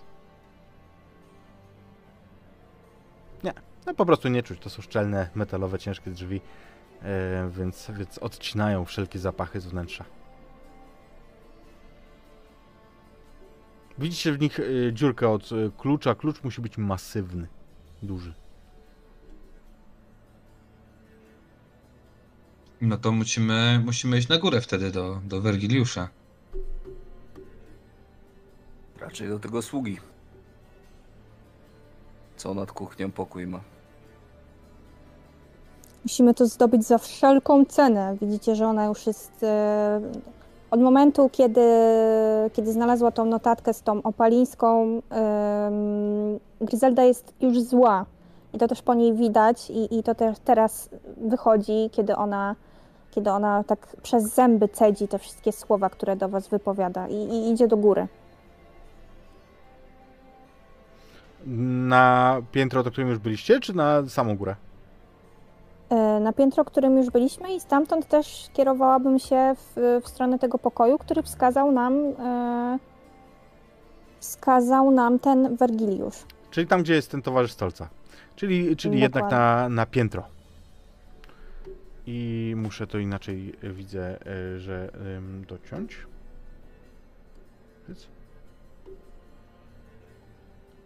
O, a teraz trochę widać. Wychodzicie na... Bo zakładam, że wszyscy idą, że to nie jest tak, że się rozdzielacie, nie? No ja też ostatni, idę. bo ja będę jakby pewnie najgłośniej e, tupał. Wychodzicie tymi schodami na górze. I faktycznie jest tutaj sporych rozmiarów hol. Na podłodze ułożone są w mozaikowym wzorze takie e, kafelki, które są błękitne, białe, niebieskie, granatowe, które udają em, spienione fale wody. To wygląda w ogóle niesamowicie, jakby tu wszędzie było pełno wody. A mało tego, widzicie, że w tym głównym holu, nie w tej części dla służby, tylko w tej części głównej, e, to schodzi ta mozaika po schodach w dół do głównego holu piętro niżej, co sprawia niesamowite wrażenie, jakby tam po prostu ściekała woda. Z pomieszczenia po waszej prawej stronie, czyli z tego, widzicie, że spod, y, spod y, drzwi sączy się światło. Ale to nie są jedyne drzwi, spod których się sączy światło, bo zakładam, że jak weszliście, to, to z- rozejrzeliście się wokół, bo to widać również spod tych drzwi na, w dolnej części holu.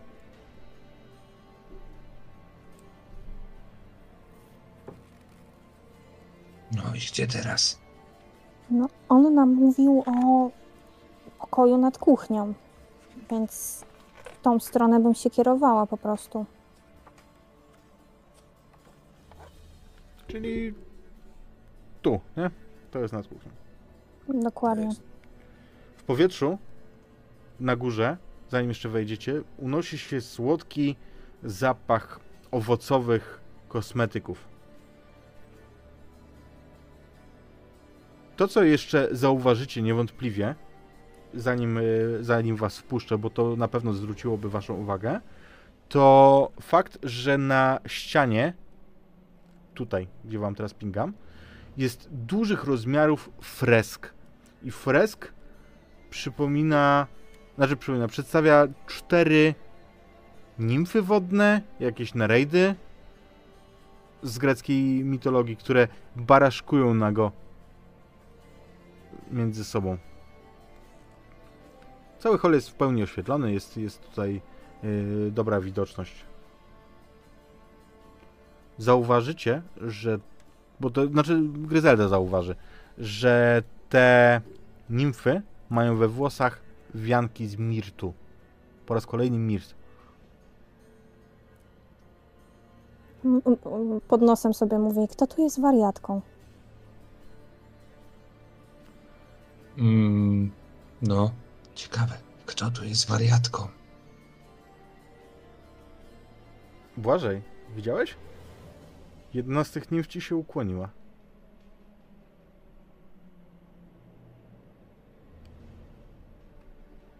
A już się w oczach tej mieni przez to wszystko. No nic. Drzwi. Po prostu je otwieracie? No ja bym trochę ponasłuchiwała jeszcze tak, czy tam ktoś się kręci za tymi drzwiami, mm, coś słychać w ogóle. Wchodzicie i. Znaczy, słu- słuchasz i wewnątrz nikt nie chodzi, nic nie słyszysz, wiesz, kroków. Jest tam cisza. Pomysły?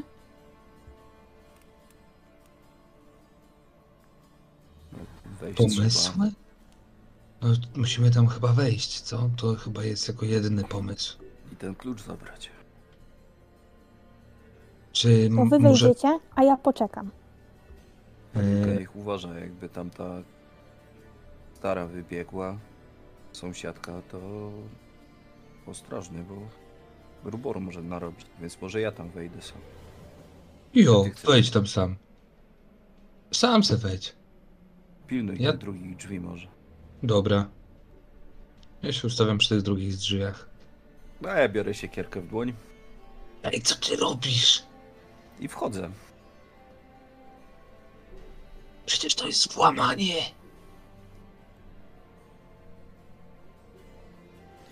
Kiedy otwierasz, widzisz dużą, bardzo dużą izbę, która jest niemal w zupełności pusta. Co cię dziwi, bo w, całym, w całej izbie tylko na środku jest mały stołeczek, na którym siedzi tyłem do ciebie mężczyzna. Mężczyzna ma na sobie szatę przypominającą nieco grecką togę. Kiedy Odbiega otwierasz... mi daje mu w łeb. Poczekaj, kiedy otwierasz, to zanim dotrzesz, to jest na tyle przestronny pokój, że y, ruszasz, ok. Ale on zdąży wstać i odwrócić się i zobaczysz, że na twarzy ma maskę jak grecka rzeźba, jak, jakbyś widział, no ty nie możesz tego tak nazwać, ale jakbyś widział dyskobola Mirona. Myrona. Trzymając siekierkę za ostrze, chcę go trzonkiem na odlew strzelić, tak, a żeby zęby się posypały, choć w tym wypadku może maska go trochę uratować może. Rzucaj.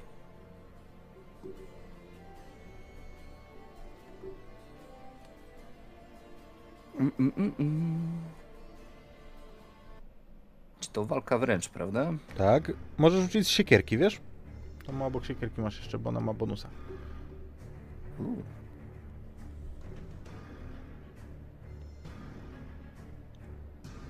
Masz jeden sukces, więc uderzasz go. Ta maska musi być metalowa, bo aż się poniosło, ale oberwał, cofnął się. Widzisz, że jednak nie jest to kolejny szlachetka, paniczyk, który podda się. Zresztą jak uderzyłeś, to zauważyłeś od razu, że on absolutnie mm, wiesz, jakby przyjął siłę twojego ciosu, ale nie jest to coś dla niego nie do zniesienia. I widzisz, że podejmuje walkę po prostu z tobą. I w tym momencie zauważasz, on nie ma broni, przecież z siekierą jesteś bez problemu go pokonasz, nie? I on wykonuje ruch w twoim kierunku i ty zdążysz zobaczyć Błażeju, albo najpierw rzucę, a później, mm, a później e, zobaczymy, ile zdążysz za, zobaczyć.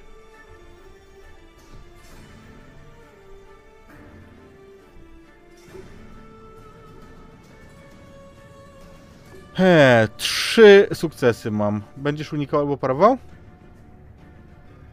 No tak. Paruj, albo unikaj. Temu... Czym się paruje bądź unika? Paruje się normalnie na rzut na, na broń, tak jakbyś atakował, To, a unika to się ja gibkością. łapy staram się zbić tam e, tym trzonkiem. Dobra? Dwa sukcesy. No dwa mam. No, czyli, czyli zostaje mój jeden. I słuchaj, to co zdążysz zauważyć, on wykonuje ruch. Masz wrażenie, że on ci po prostu chce dać w zęby, że chce ci przywalić e, z pięści, ale widzisz, że ta rękawiczka z dłoni spada, a pod nią nie jest zwykła ludzka e, dłoń. Pod nią widzisz tkankę, która wygląda jak surowe mięso. I to mięso się zmienia na twoich oczach. Widzisz, jak jakiś szpikulec, zaostrzony koniec y, tego, tej, tej przedziwnej łapy dźga w ciebie, prosto, prosto w ciebie i faktycznie trafia, znajduje drogę gdzieś pod pachą. Czujesz rozrywający ból? Zaznacz sobie proszę jeden stan. Bo on cię ranił tą dłonią. To poczułeś, jakby cię ktoś po prostu e, ranił żelazem. Gryzeldo i Bogdanie, wy słyszycie w- wewnątrz, ewidentnie zaczęła się bójka albo walka. No pomóż Dobra. mu. Panienka tu poczeka. Ja biegnę. Hm. I do przodu. Ja odwijam mu się, ale już w tym razem żelazem go będę dźgał, bo takiego diaboła to trzeba do ziemi zakopać, a nie? Dobrze, to będzie wasza tura po prostu. Widzisz to, A. e, Bogdan, kiedy ty wpadasz, to widzisz, że ta, ta istota takimi bardzo szybkimi ruchami, ale bardzo takimi pozbawionymi emocji. Nie jak w walce, wiesz, z jakimiś uskokami, tylko bardzo spokojnie i dźgnął e, Błażeja z ręką? Jak można dźgnąć ręką? Ale je tak co zrobił. E, I wasza tura, to wasza, wasza rzecz, jak, jak się podzielicie kolejnością. Ja Co go, na, jest? ja go wezmę na misia złapię, jednak. Ja rzucę się na niego, będę starał się go udusić, tak wezmę go, ścisnę i go tak podniosę do góry, Dobrze. żeby otulić go e, dłońmi i żeby, żeby no, zawisł w powietrzu. Dawaj krzepę. A, to muszę sobie przerzucić chyba, jeżeli można. Mm, No tak, ale to nie była walka wręcz, tylko krzepa. Znaczy nie krzepa, tylko siła. Co? Rzuciłeś na walkę wręcz, No tak. a miałeś rzucić na siłę. A, I ty masz plus dwa do siły. a. Siła jest e, osobną umiejętnością? Tak. No, mm, czyli dwa, okej. No. To, nadal bym przerzucił, jeżeli jest taka możliwość. Jest możliwość, możesz sobie przerzucić i zaznaczyć stan. E, ja rzucę sobie złość. Najpierw O. przerzuć, później zaznacz stan. Okej.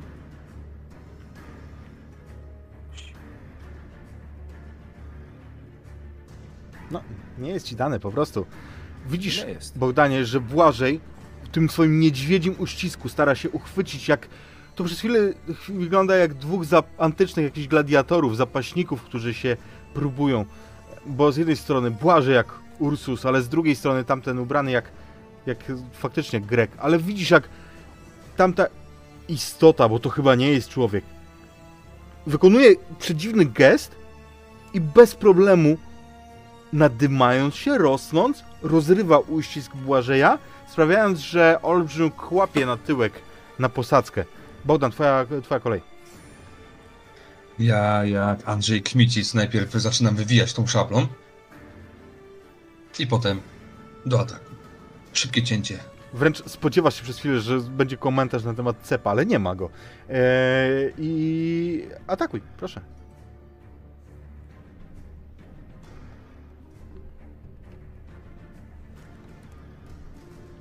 Poszło. Świetny rzut. Dwa sukcesy. Zobaczymy, ile ja będę miał na parowanie. Ja mam tylko jeden, więc y, znajdujesz drogę i tniesz przez tą szatę. Widzisz, że tam, gdzie rozciąłeś, zraniłeś tą tkankę, ale ta tkanka nie wygląda jak żadna ludzka tkanka, to bardziej jak taka rakowa narośl. To jest coś dziwnego, to nie jest człowiek, teraz jesteś tego pewny. I w momencie, kiedy e, Błażej klapnął na e, ziemi, a ty go ciąłeś, stwór kontratakuje. Parzyste w Bogdana, nieparzyste w Błażeja. Błażej. Chyba uznał, że jesteś po prostu łatwym, łatwym e, celem, skoro siedzisz na, na ziemi.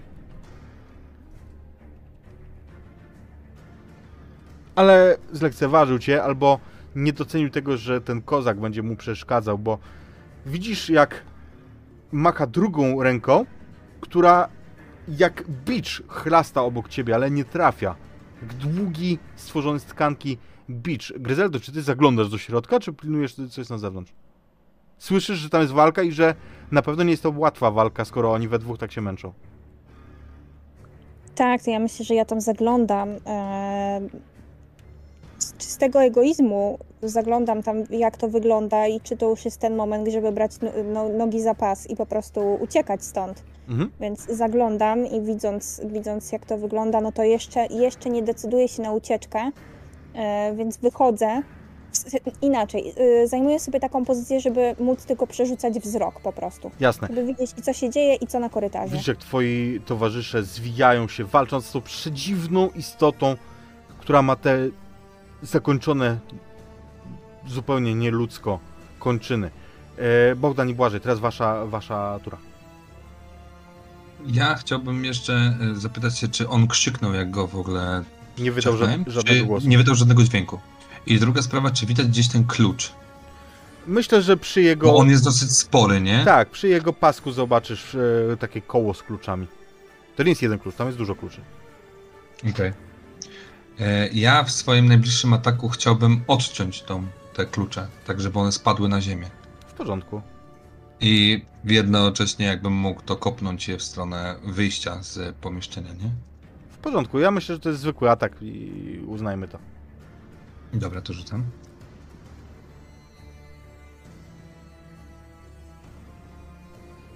Uuu. E, forsował mi się. Bardzo proszę, rzuć jeszcze raz i później zna- zaznacz sobie stan.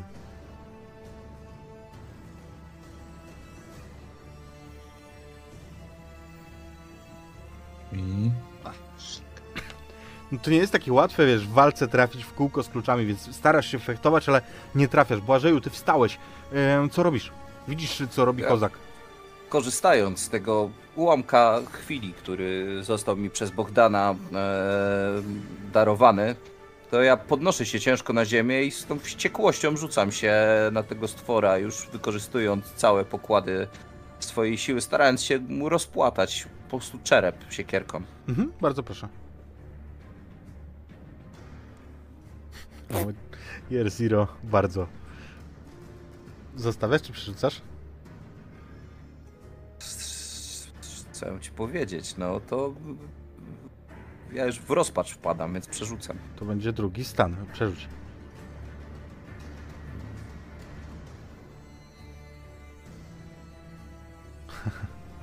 Zaznacz sobie drugi stan. Nie Ale trafi. dlaczego tak małą ilością kostek rzucam? No bo za każdy stan tracisz, yy, tracisz, yy, wiesz, kość. A, y, okej, to muszę zrobić to jeszcze raz. Czyli cofam sobie rozpacz, przerzucam, rzucam. O, i teraz zaznaczam dopiero stan. I Trzecia jest porażka z rzędu. Okej, w porządku. Więc y, znowu istota będzie atakować. Tym razem parzyste e, Błażej, nieparzyste Bogdan. Błażej, on się na ciebie ewidentnie uwziął. Tak, próbuję.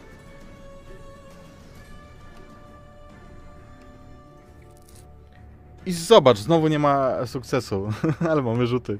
Na tępe noże się bijemy. E, więc tym razem myślę, że istota z furią podnosi obie e, dłonie, znaczy, tak to nazywacie u- umowie, tam człowiek miałby dłonie, łączy je w jedność i widzicie jak ta tkanka zrasta się i jak taką ogromną maczugą uderza przed tobą, Błażeju. Nie trafia co prawda, ale aż, e, aż te płytki się rozpadły, popękły się.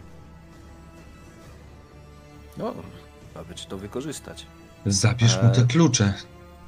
Ja nie, klucze, srucze. Ja go tam staram się znowu, ale twoja kolejka teraz. No wasza, możecie się nią rotować jak chcecie. Ja lecę i te klucze próbuję jeszcze raz oderwać od niego. Mnie się wydaje, że walka nie ma e, za dużo sensu z nim. Raz go raniłeś.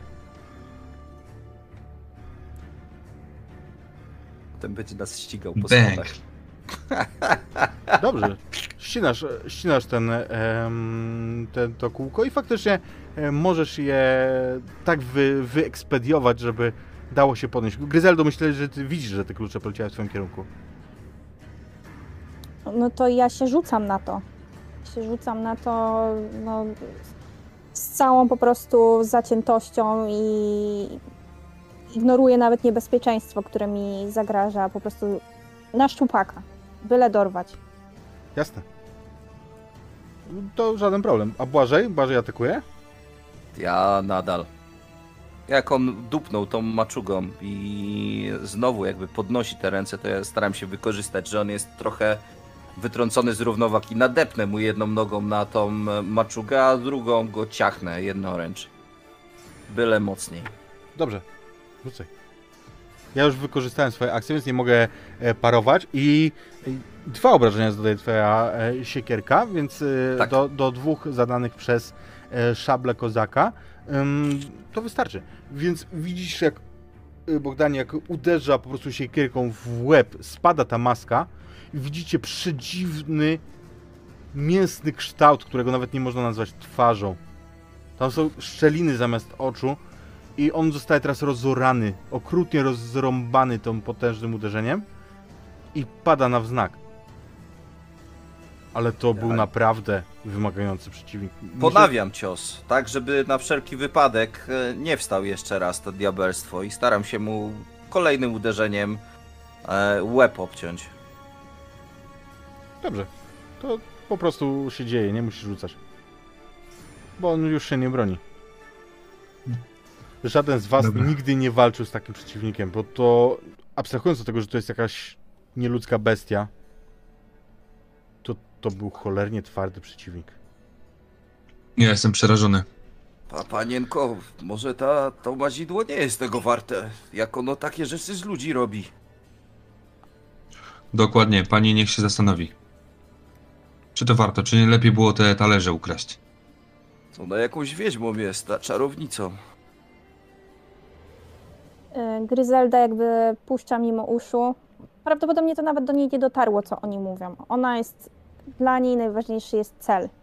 Ma już jakby klucz, więc tak naprawdę to, co widzicie, to to, jak ona ściska ten klucz, aż jej knykcie bieleją po prostu pod naporem tego i wpatruje się w niego, jakby chciała tą całą swoją złość po prostu przelać na ten klucz, a potem się odwraca i zbiega po schodach po prostu, no domyślacie się, że biegnie do tej piwnicy. Mhm. Powiedz panno, tam jest więcej kluczy niż tylko jeden. No tak, to to są takie duże. Są różne. Duże, małe. To wygląda na to, że po prostu masz komplet kluczy do wszystkich drzwi w, we dworze. Okej, no to, to, to słyszycie tylko takie dzwonienie klucznika, który zbiega po prostu. A ja chciałbym się rozejrzeć jeszcze po pomieszczeniu, czy czegoś tutaj nie ma takiego na stole, czy, czy w ogóle coś tu jest ciekawego.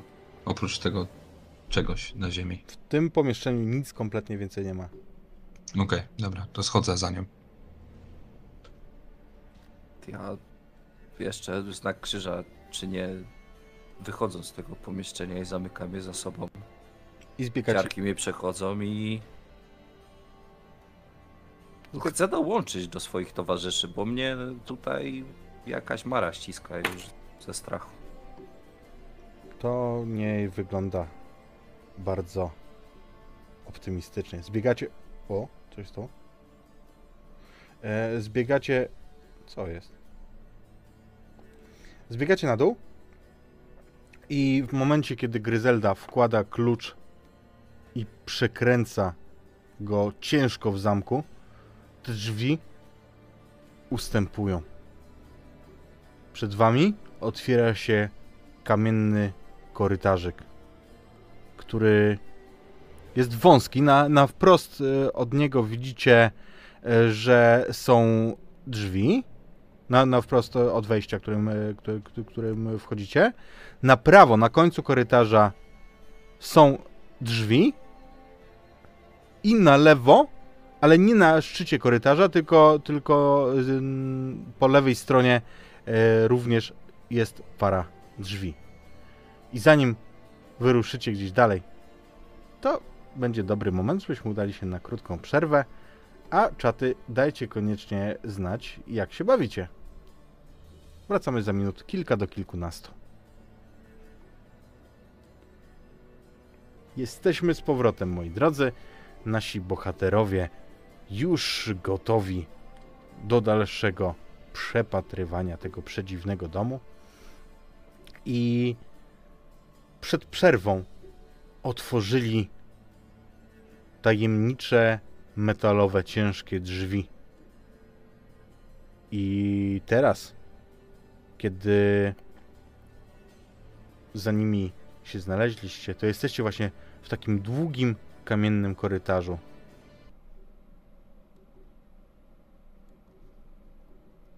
Co Czy robicie? teraz czujemy jakiś zapach? Tak. Czujecie ten słodki, taki chemiczny zapach, ale też coś innego. Też jakby dobiegał was zapach mięsa, zapach czegoś świeżego, jak przy biciu świni. To każdy z was kojarzy, to jest zapach, który każdy z was czuło. Panienko, oni to mazidło z ludzi robią. Na wszystko co święte, zostawmy to cholerstwo i idźmy stąd w diabły. W ramach tej świętości wszyscy dostaliście utru- utrudnienie z czatu. Który taki? Zajęcza. Zajęcze. Ja, ja, się, ja się z tą policzę. Obudzi się w złożonym namiocie. E, dobra. ym, to ja bym poszła te drzwi e, naprzeciwko. Mhm, najbliżej, których jesteście. I Tak.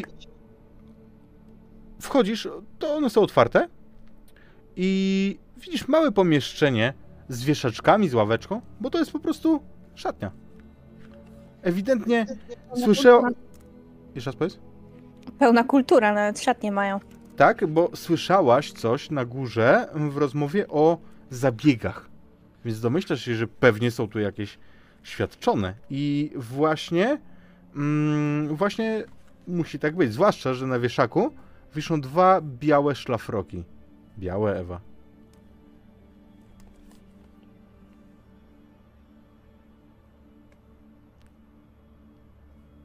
Co tam pani widzi?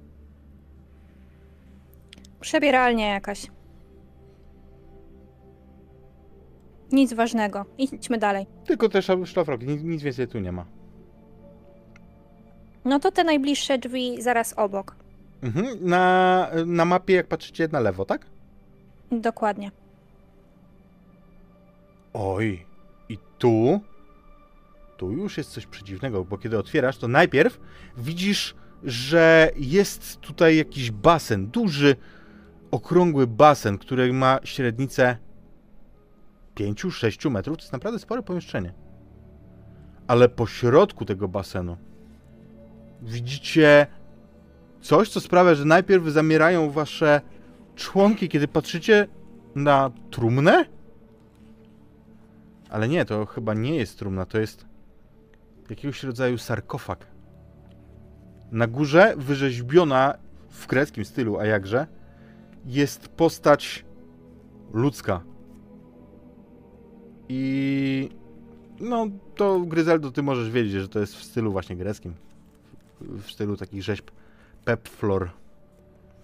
Na ścianie przy wejściu, zaraz jak wchodzisz, na ścianie jest dźwignia, taki wielki przełącznik.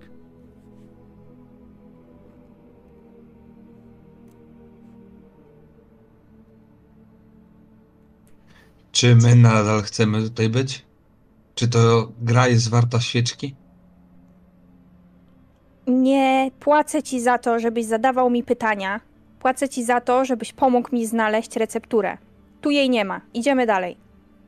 Jeszcze nic nie dostałem od ciebie, więc nie mów, że płacisz, bo jeszcze nie zapłaciłaś. A po drugie, szanuję swoje życie bardzo mocno. I jeżeli stwierdzę, że coś mi tutaj nie odpowiada, to żadna zapłata tego nie wyrówna. A i tak jesteś już mi wina talara. Więc naprawdę, naprawdę, naprawdę się zastanów, czy to jest warte świeczki. A czemu panienka tak bardzo to mazidło potrzebuje? Toż to diabelstwo jakieś, przecież to ludzie zaraz się dowiedzą. Nasi, nasza służba nie da się tak otumanić jak ci gamonie. To chwila, moment, dworek pójdzie z dymem. I zaczną krzyczeć, że panienka wiedźmą jest albo coś. Nieprawda. Jak nieprawda, jak Nieprawda. prawda? No przecież ja znam ich. Ja to może zostanę przy panience, nawet będę mógł ściągać tych ludzi tutaj do środka, ale to tylko dlatego, że mnie przysięga trzyma, ale serce kazałoby mi odejść od takiej osoby. Stara się ignorować, chociaż widzicie, że tam jej brewka tyka. Już ta złość jest już coraz bardziej. No mimo, że jakby poczuła ekscytację z tego, że znalazła już jakby miejsce, w którym, którym będzie już ten jej złoty gral. Panienka, tyle, no. panienka może pojedzie do tego starego Borkowskiego, on wdowiec. Panienka wdowa, to ułoży się jakoś to wszystko i nie trzeba będzie tutaj po nocy z diabłem tańczyć. On stary jest, wkrótce umrze, a majątek ma taki, że ho, ho. Y, Widać, że jakby zastanowiła się chwilę nad tym, ale jednak myśl o tym, że będzie piękna. Nie, to wygrywa. I ona jakby przepycha się przez was, żeby przejść, e, wyjść na korytarz znowu i pójść do kolejnych drzwi. Mhm. Czyli tego, Ja te, to się- mieszkanie zostawiacie, e, mieszkanie, ten, ten, to pomieszczenie zostawiacie. A, e, a, no absolutnie. Nie ma tutaj nic, co, co by jakby, po co ona tu przyszła. Mhm. Jasne. Jak, Ew, jak, jak Gryzelda się przepycha pomiędzy nami, to ja się ciężko opierał o ścianę i prawdopodobnie zahaczał tą wajchę, jeżeli ona jest w tamtym miejscu. Czemu nie? Słyszysz szurnięcie i zauważasz, że na południowym, yy, na południowej ścianie tego pomieszczenia znajduje się osiem okrągłych idealnie otworów. One mają średnicę jakichś 8-9 cm, są spore. I w tym momencie, kiedy oparłeś się o tą wajchę, to te, te w tych y, otworach zeszła blacha, przez co one się odsłoniły. Są dziurawe. W sensie wcześniej były zaślepione tą blachą, nie? O, Oprócz tego nic się nie zmienia. tam się coś poruszyło, to ja podejdę i sprawdzę. Trochę mi się nie chce gadać już z moją panią, więc trochę zły na nią jestem Mhm. i, i, i smutny i w ogóle ranny i leje się ze mnie, więc podejdę i zobaczę, a nóż widelec znajdę tam coś, co mi Mhm. ukoi trochę sumienie. Jasne. Przechodzisz, przechodzisz obok tego sarkofagu. Widzisz, że on jest uchylony. Teraz nie masz wątpliwości, że to nie jest trumna, że to jest po prostu coś, do czego można wejść, bo zresztą w masce sprytnie zostały zamaskowane otwory do oddychania. To pewnie coś do zabiegów kosmetycznych, prawda? Kiedy... kiedy- To izba tortur jest. Kiedy zaglądasz do tych yy, dziur, które tam są, słyszysz bulgot w głębi, gdzieś daleko. Jednostajne bulgotanie, tak jak bąbelków w wodzie. To to gniazdo węży jest, pewnie węże tamtędy wychodzą, mówię pod nosem i zabieram się stamtąd. W międzyczasie, Gryzeldo, idziesz do tych ostatnich drzwi, tak? Dokładnie. Kiedy zbliżacie się do końca korytarza, chciałbym, żebyście obydwoje rzucili sobie na czujność. Pamiętajcie proszę o swoich utrudnieniach.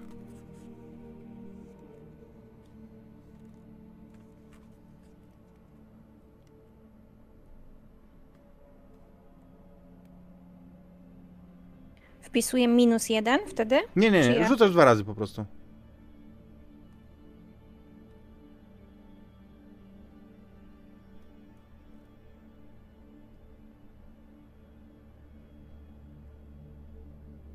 Gryzelda nie. A Bogdan? Już rzucam. Ujoj. To już nie rzucę drugi raz. No. Eee, w porządku. Kiedy otwieracie.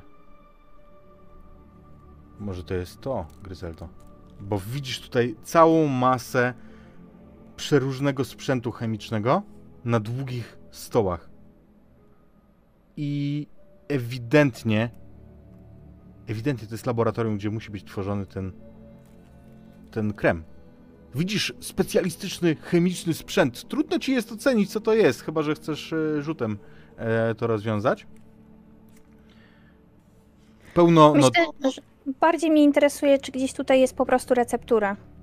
Jest tutaj dużo różnych notatek, zapisków. Więc jeżeli gdzieś jest, to gdzie, jeżeli nie tu? Bogdan, ty zwrócisz uwagę niewątpliwie na fakt, że stoi tutaj kilka większych kociołków na podłodze. I zwracasz uwagę na to, co w nich jest. I od razu widzisz, że w pierwszym obok ciebie są pogruchotane na pył niemal kości. A w dalszym, w dalszym jest coś organicznego, tam jest jakieś, jakaś maź, mięso, coś takiego, ale to jest, wiesz, taka, taka obrzydliwa zupa z czegoś organicznego. Gryzelda przegląda w tym czasie te papiery, jak rozumiem, tak? Dokładnie tak. I niech teraz mi panna powie, czy pani operuje takim sprzętem u siebie w domu. Y, nie. No to po co pani ta receptura? To po co to pani ta receptura jest? Skoro pani nie będzie potrafiła od, odtworzyć tego wszystkiego. Do pimbru to każdy wie co trzeba. A do tego? Wie pani co trzeba? No to się potem, no, to powinno być w recepturze wszystko, to, to się potem wszystko kupi, no. Ja teraz pani coś powiem. Tak na mój chłopski rozum, nie? Tu są kości. W tym oto. Widzi pani? Widzi pani. Tu obok jest jakaś maź. Gryzeldo, ty Pewnie widzisz, też- że to w tych, wiesz, w tych notatkach, przepraszam, że ci wpadnę, e, Maku, w notatkach widzisz, no tak, mączka kostna, ludzka. Zgadza się. E, Bogdan, przepraszam, wpadłem ci słowo. No, tu jest jakaś maść. Maź. Pewnie też ludzka. Albo zwierzęca. Jakakolwiek inna. No, Gryzeldo, widzisz przecież dokładnie, że to jest masa e, uzyskana z wysuszonej i zmielonej skóry zmieszanej z mózgiem ludzkich. I teraz niech mi e, panna powie, czy na pewno ta receptura to jest coś, co chcemy. Czy zajumać z tego miejsca? Czy nie lepiej wziąć te talerze srebrne, które były u góry?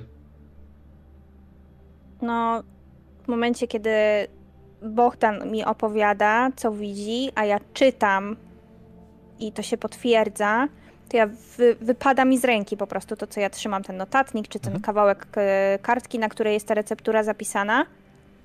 I ty widzisz, że ja, Bogdan, ty widzisz, że ja się tak rozglądam w takiej panice i łowię wzrokiem te wszystkie przerażające rzeczy, które są tutaj porozkładane i zaczynam tak e, panicznie po prostu wychodzić e, z, z pomieszczenia, ale tyłem, tak jakbym się bała, że, że mnie coś tutaj jeszcze, nie wiem, zaatakuje. E, widzisz, że jestem przerażona i będę chciała uciekać. Mhm. E, Błażej, ty dołączasz do nich po tym, jak, jak zbadałeś te otw- otwory w międzyczasie? Ja tam, ja tam stoję w tych drzwiach, jak już oni tam siedzą, jak tutaj panienka chce uciekać, to jej tak trochę zastępuje Mhm. drogę i tak pokazuje na te, nie wiem, na pewno są jakieś płody w słoikach, to zawsze są płody w słoikach, takie Nie zdeformowane. Ale są, Tak. są, są fragmenty. Nie, to, to, to nie jest e, laboratorium wiedźmy, jeżeli o to, o to chodzi, nie? Albo. Panienko zobaczy, może tutaj to jest co szuka, może to warto jednak. Pomocy! Tyle panienka szukała. O! Ktoś woła. Pewno słyszałeś to? jest. Za sobą, dokładnie za sobą, o 180 stopni, za twoimi plecami. Ojej, toś też się odwracam głową. Widzisz ścianę naprzeciwko tych drzwi. No. Ona tu żywcem ludzi e, maceruje w ścianach i swoją jadowitą esencją wydobywa potem, żeby młodość przywracać tym wszystkim próżnym kobietom. To, to nie jest dobre. Ja, ja- Ratunku! więc mo, może idźmy Głos stąd. młodej dziewczyny. Wyraźnie go słyszycie. Naprzeciwko tych Ja szukam, szukam, szukam gdzie. Kiedy rozglądasz się, wiesz, z tej strony, no tu krzyczała, nie? To trafiasz zaraz przy ziemi na jedną cegiełkę, która jest ruchoma. I która sprawia, że ściana, lita ceglana ściana, która była naprzeciwko was, ustępuje. A otwiera się przed wami korytarz, ale to przedziwny korytarz. Uderza was mieszanka zapachów słodkiego i tego mięsnego, o którym wspominałem. I widzicie, co może być źródłem tego mięsnego, dziwnego zapachu, bowiem po ścianach na kamieniu widzicie, jak pną się narośle, ewidentnie organiczne, jak mięsne właśnie. Kojarzą wam się z tym, z czego był sformowany ten przedziwny potwór na górze. I to wygląda jakby to ten budynek, te podziemia miały na sobie tę chorą tkankę, jakby to ten budynek toczyła choroba. Kiedy otwieracie, wyraźnie słyszycie głos tej dziewczynki. Tu ktoś jest? Tak, jestem, już idę. I wchodzę tam. Co ty robisz? Uciekajmy stąd. Wie pan, Nienka, co? Trzeba wiedzieć, kiedy iść z komuś z pomocą, a kiedy trzeba zwiewać. Widzi pan, panna, co tu się robi z takimi ludźmi, jak ona? Nie wie pani, kto to jest. A niech pani zobaczy, niech pani jeszcze raz przeczyta. To pani nas w to władowała. I idę w stronę e, głosu. To nie ludzko tak kogoś zostawiać. Ja rozglądam się za jakimś źródłem światła. Może Mhm. jakaś e, latarnia gdzieś tu jest, albo pochodnie, albo... Na pewno w tym tu jest? laboratorium coś było. To ja się cofnę i wezmę. Bo to ja podejrzewam, że to będzie jaka kuta latarnia z olejna. E, Słuchajcie, e, Bogdan, ty będziesz przodem. Kiedy wchodzisz za głosem, skręcasz w korytarz i orientujesz się, że są tutaj po dwóch stronach tego korytarza dwie cele. Widzisz metalowe pręty krat, po których po prętach wspina się ta dziwna mięsna narośl, ale do środka nie wnika. Wewnątrz nie ma tej narośli. Na, e, jeżeli chodzi o cele na południu, to ona jest pusta, natomiast w tej północnej widzicie, wi- widzicie młodą dziewczynę, nastoletnią, wychudzoną, ewidentnie toczy ją gorączka. Ratujcie!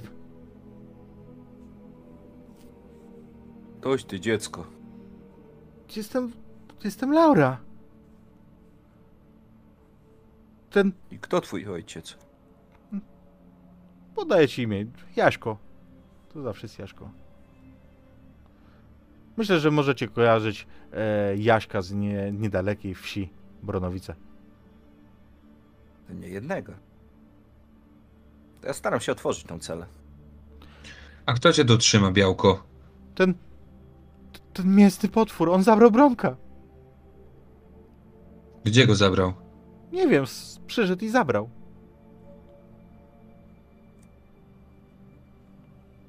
Panienko Gryzeldo, czy ma pani może klucze ze sobą? Ja rzucam mu te klucze, bo ja się nie ruszyłam generalnie. Zostałam na tamtym korytarzu i, i tylko rzucam do kolejnego korytarza po prostu klucze. Więc słyszycie, jak one z takim obrzydliwym plaśnięciem wpadają w tę tkankę, która jest też na podłodze. Podnoszę je i sprawdzam, czy któryś pasuje do kraty. Tak. Dziękuję, panie. Niech, niech ci pan Bóg wynagrodzi. Jeszcze wyprowadzicie Bronka? Bronek pójdzie z nami? Nie wiem, gdzie jest Bronek. To jak go znaj, po, poszukamy go. To biegnij, uciekaj przez okno i to Tak, biegnij panienka- jak najdalej. Panienka niech stąd jak najszybciej wyjdzie i niech się gdzieś zatrzyma. To z dala od tego miejsca. Do domu biegnij dziecko, jak najdalej.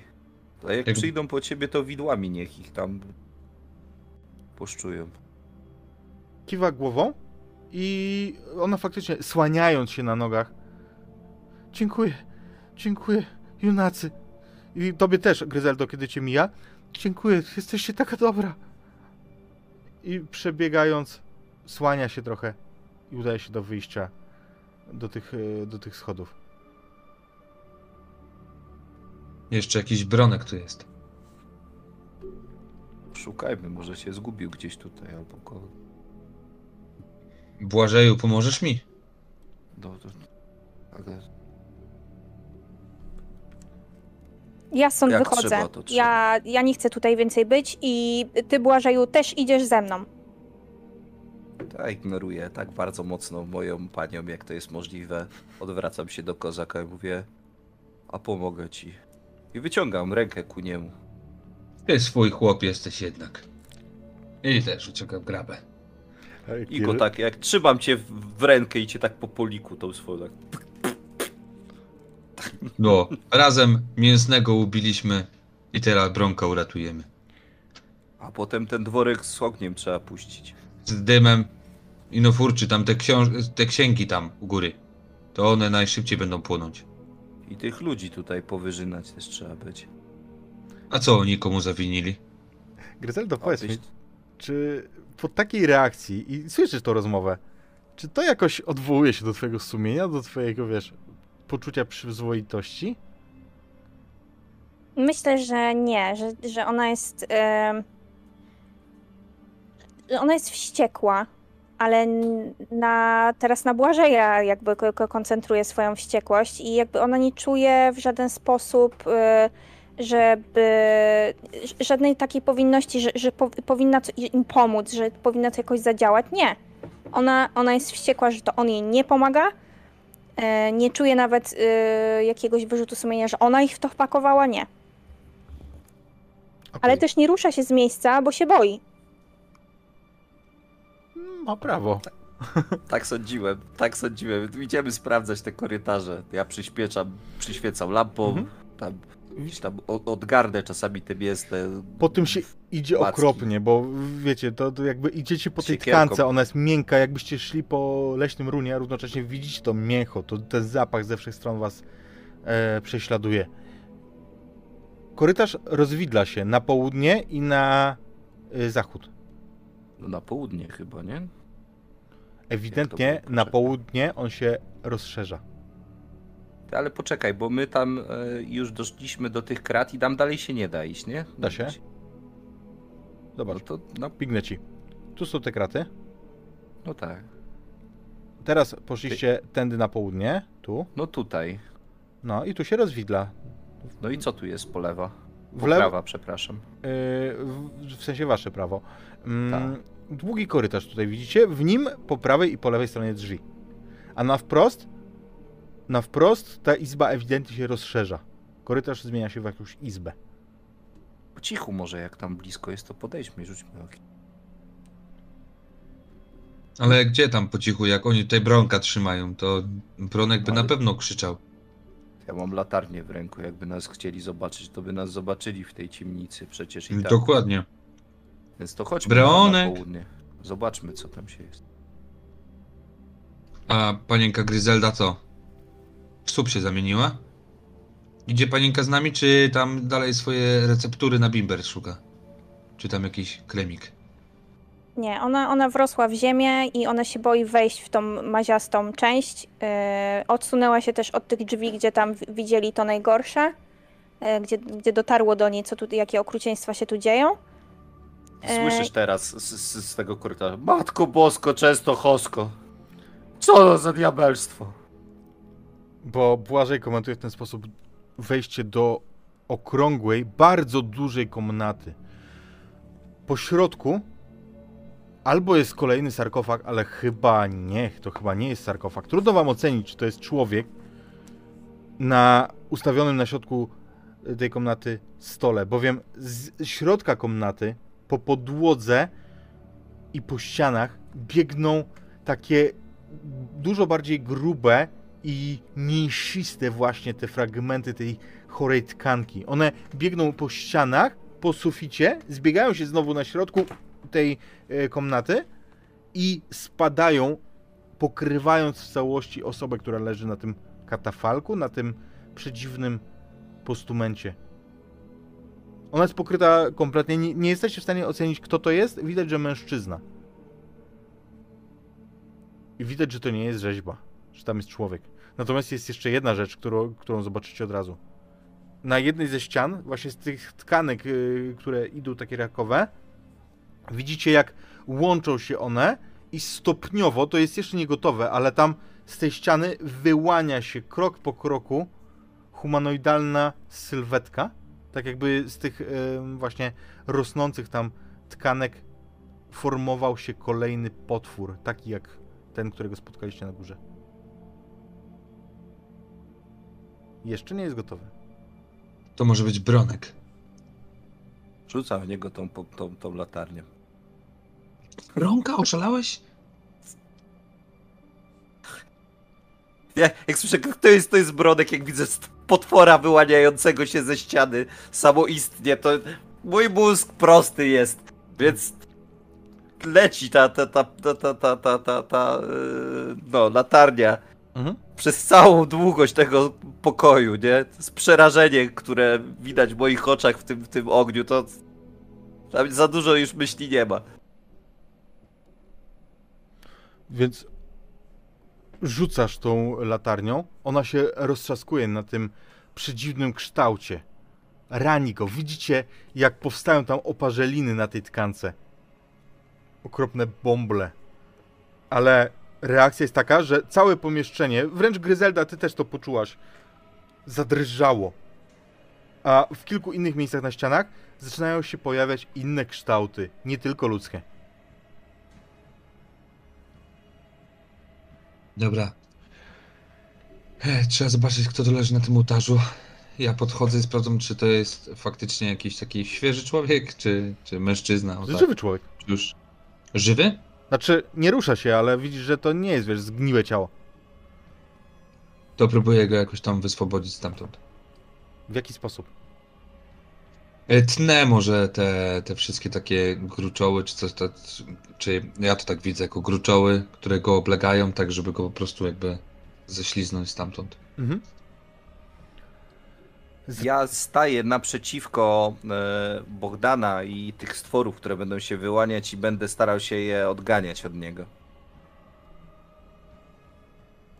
One, wiesz, jakby tworzą się, na razie, na razie nie atakują.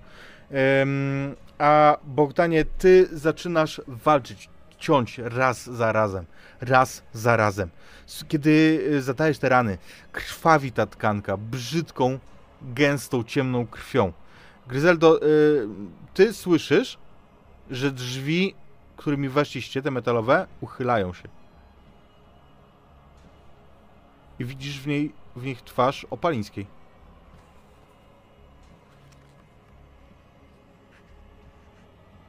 Mm, Bogusławska? Włamanie? Sranie po ścianie. Co tu się dzieje? Zabiegi.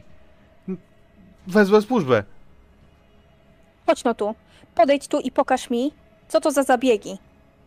Ona pokazuje, jak powiedziała o zabiegach, wskazała na to pomieszczenie tam z basenem, nie?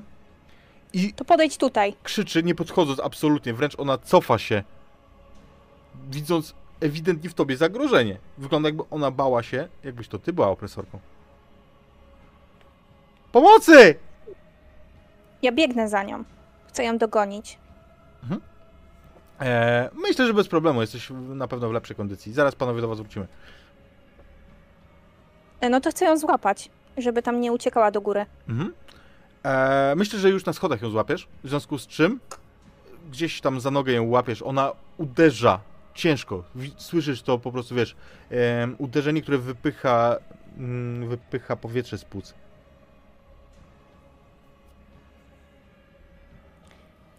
Ściągam ją po tych schodach na dół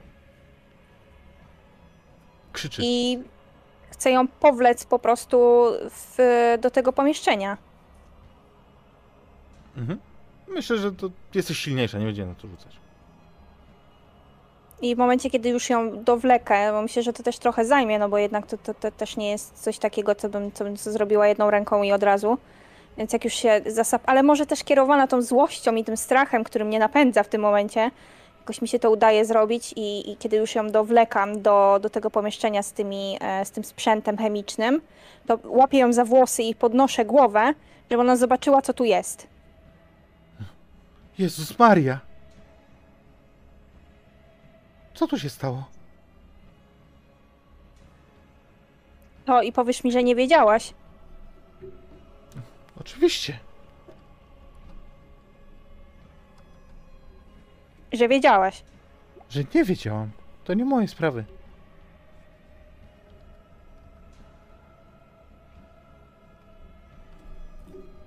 Zostajesz tu ze mną. Oni zaraz wrócą, wyprowadzą nas stąd. Rzuć proszę na gibkość.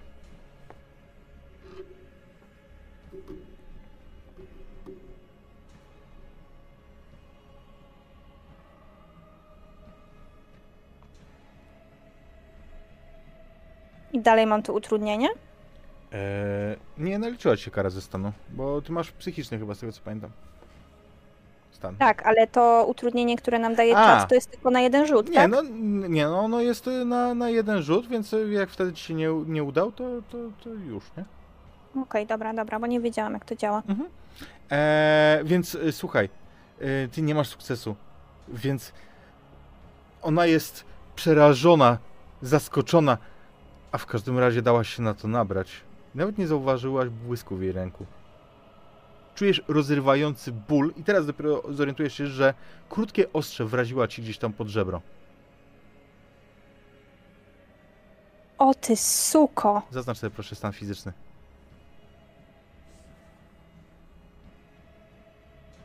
I ona, wiesz, y, korzystając z tego, że, że ci zaskoczyła, stara się wyszarpnąć i uciec.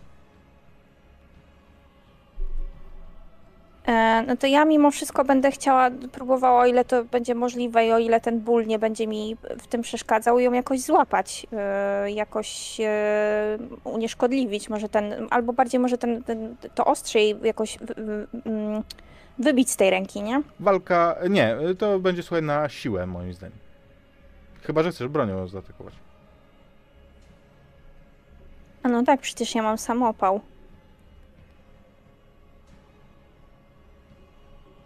No to bronią. Strzelasz do niej. No, walę do niej z broni. Strzelaj.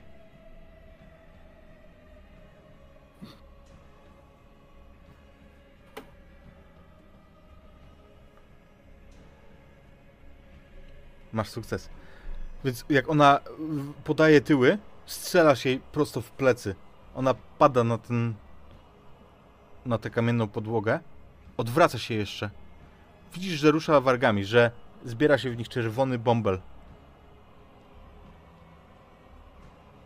To ja w tym momencie nawet jej nie chcę słuchać. Jak ona odwraca tą głowę w moją stronę, to ja ją biorę jeszcze raz za włosy i tak uderzam jej tą głową o tą posadzkę. Co czujesz, kiedy zabijasz tę kobietę? Na pewno satysfakcję, yy, ale nie taką wynikającą z tego, że kogoś zabiłam, tylko może to jest satysfakcja, że unieszkodliwiłam kogoś, kto robi takie rzeczy. I może to jest to, o czym właśnie Błażej z, z Bohdanem mówili wcześniej, tylko do mnie jakoś to nie docierało. Yy, ale po chwili też czuję przerażenie, no bo jednak to pierwszy raz, kiedy. Nie licząc męża, oczywiście. A spójrzmy, co dzieje się w tej komnacie, bo tam, Bogdanie, tniesz te, te tkanki. One się zrastają, ale ty tniesz je, wiesz, jak e, oszalały. Coraz bardziej docierasz do twarzy mężczyzny, który jest tam pokryty, pokryty tym, e, wiesz, te, tą naroślą. Jego twarz jest po prostu cała zasłonięta, więc musisz zrywać to z niego.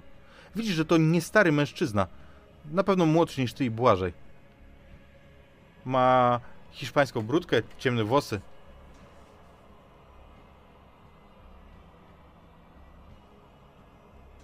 Dalej, dalej walczę, dalej tnę. Chcę go jak najszybciej stąd wydostać. Mam nadzieję, że Błażej po prostu osłania mi tyły i Mhm. będzie mnie chronił w razie czego. Widzisz, widzisz Błażeju, że te kształty, one przypominają coś, co najbliżej opisałbyś jako coś jak wielkie psy, ale, ale to nie są psy, to są jakieś przedziwne istoty. E, I wiesz, one są już niemal sformowane na waszych oczach. To, to ja to chyba nie wiem, odwrócę się i takimi dwoma potężnymi, potężnymi uderzeniami tej siekiery staram się pomóc, e, ażeby uwolnić e, tego człowieka. Może. Mo, może one zdechną, jak jego wyszarpiemy. Mhm. I słuchaj, jak masz tą niespodziewaną odsiecz, przy tym uderzeniu, jak zrywacie ostatnie e, powiązania z tym ciałem, to czujecie, jak cała izba znowu trzęsie się w posadach, a gdzieś od zachodu, gdzieś dalej w, głębi tego korytarza, słyszycie wściekły ryk. Ryk zwierzęcia, ryk bestii. Łap go! I go tamtego leżącego gdzieś tam za, za ramię, pod pachę, za może ubranie, jeżeli on nie jest nagi. I go ciągnę po prostu, uciekając z tamtego korytarza. Ja też pomagam mu, łapię i za drugie ramię i biegniemy. Mężczyzna jest zupełnie nieprzytomny. Kiedy docieracie do korytarza na północy, zobaczycie Gryzeldę wstrząśniętą z zakrwawionymi rękoma nad tym truchłem kobiety ubranej w szlacheckie ubranie. Chociaż nie, myślę, że ona ma na sobie biały szlafrok, taki jak widzieliście w tej przebieralni. Teraz już czerwony. Wszędzie szlafroki. To. To. Co tu panienka narobiła? Trzeba stąd jak najszybciej uciekać. No, już dawno o tym mówiłam. Tym widzicie też, że ona krwawi, bo dostała, dostała sztyletem w bok i to tak teraz jak już ta adrenalina spadła, to też trochę ym, Gryzelda straciła, straciła siły, więc ona też nie stoi, tylko ona gdzieś tam y, myślę, że klęczy y, pod ścianą. Panienka zna tego tutaj? O? Nie, wiesz, co to znam. Nie wiem, kto to jest. Kto, kto to jest? Cucego. Eee, no rzućmy to. Dobra, może nie tu. Chodźcie czyli na górę będzie jak chociaż. sam będzie. Ale wiesz, cucenie w wykonaniu Błażeja polega na siarczystym policzku zadanym e, wierzchem dłoni. Już mu wpisuję obrażenia, a ty rzuć to medycynę. A... Tak.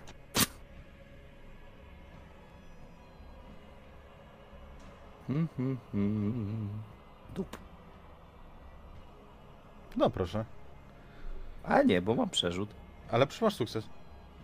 No ale muszę przerzucić. A, ty jeszcze się nie, nie wyskoczyłeś z tego utrudnienia. Nie. No to nie, faktycznie. Mężczyzna jest zupełnie nieprzytomny. Zabierzcie mnie stąd. Musimy stąd iść. Tam jeszcze chłopiec jest na dole. Zamknąć te drzwi trzeba tutaj, żeby, znowu ktoś nie wlazł i pójść po tego chłopca. Bogdan, twoje słowo jest Tak. coś warte? Bardzo dużo. Trzeba iść po tego chłopca. Panienka powinna pójść z nami, tam będzie zawsze raźniej. Zawsze raźniej. Więcej nas będzie. A my mamy w ogóle gdzie. Aha, tam jest jeszcze jeden korytarz. Ja podejrzewam, że z przyzwyczajenia zabieram pistolet i go przeładowuję. Bo, bo jak panienka chodziła y, strzelać y, do lasu, no to podejrzewam, że tak to było, że tych pistoletów było kilka. Ja... Dobrze. Eee, co, cofacie się faktycznie tam e, do, do tych korytarzy z tą dziwną tkanką? Trzeba to dziecko znaleźć. To dziecko przecież niewinne. No to ja najpierw daję y, któremuś z was klucze. A nie, bo wy macie te klucze. To trzeba zamknąć te drzwi, żeby tu nikt nie wlazł. Dobry pomysł jest. A może byśmy się cofnęli po Wergiliusza? Może on by nam pomógł. To swój on? chłop był. To jest robota dla mężczyzn, nie dla jakichś. Nie obrażaj go, bo Ma był czasu, naprawdę w nie porządku. widzisz, że ja tu umieram? I pokazuję tak dramatycznie na tą ranę rozciętą sukienkę. Ola Boga, panienka raz szyta będzie, to się nic nie stanie. To większe sobie panienka rany robiła, jak z konia spadała.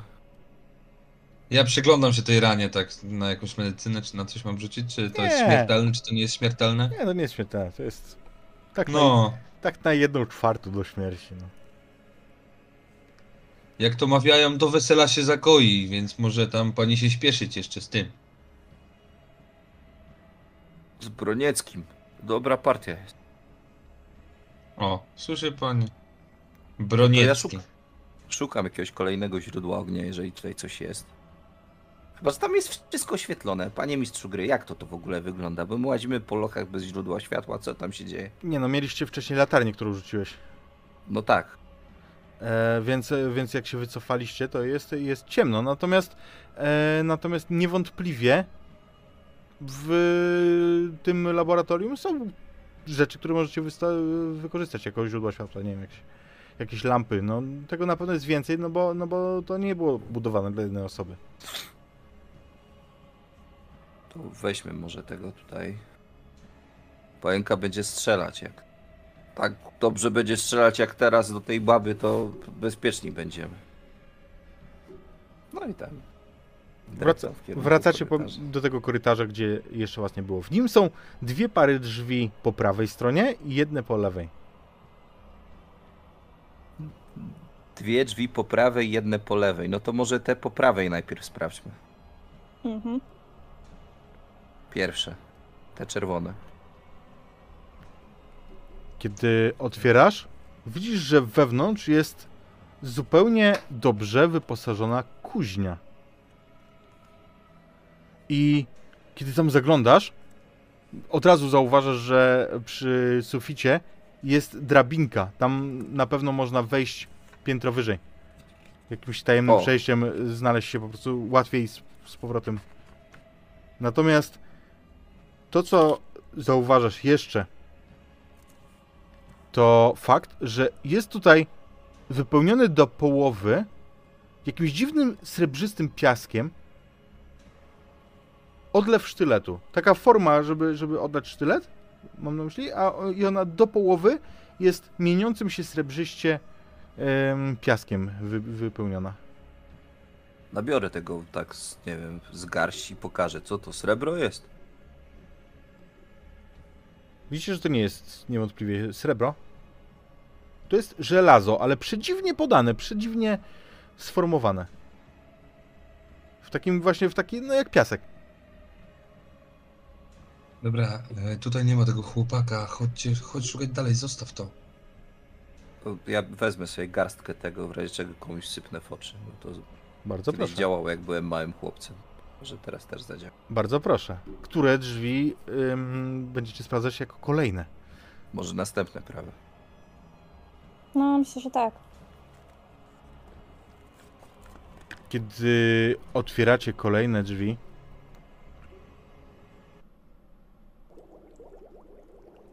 tutaj najpierw słyszycie głośny dźwięk, a później widzicie coś, co po raz kolejny sprawia, że wszystkie włoski na karku stają wam dęba. Bo jest tutaj kolosalny słój akwarium, a wewnątrz, wewnątrz jakaś przedziwne, obrzydliwe stworzenie.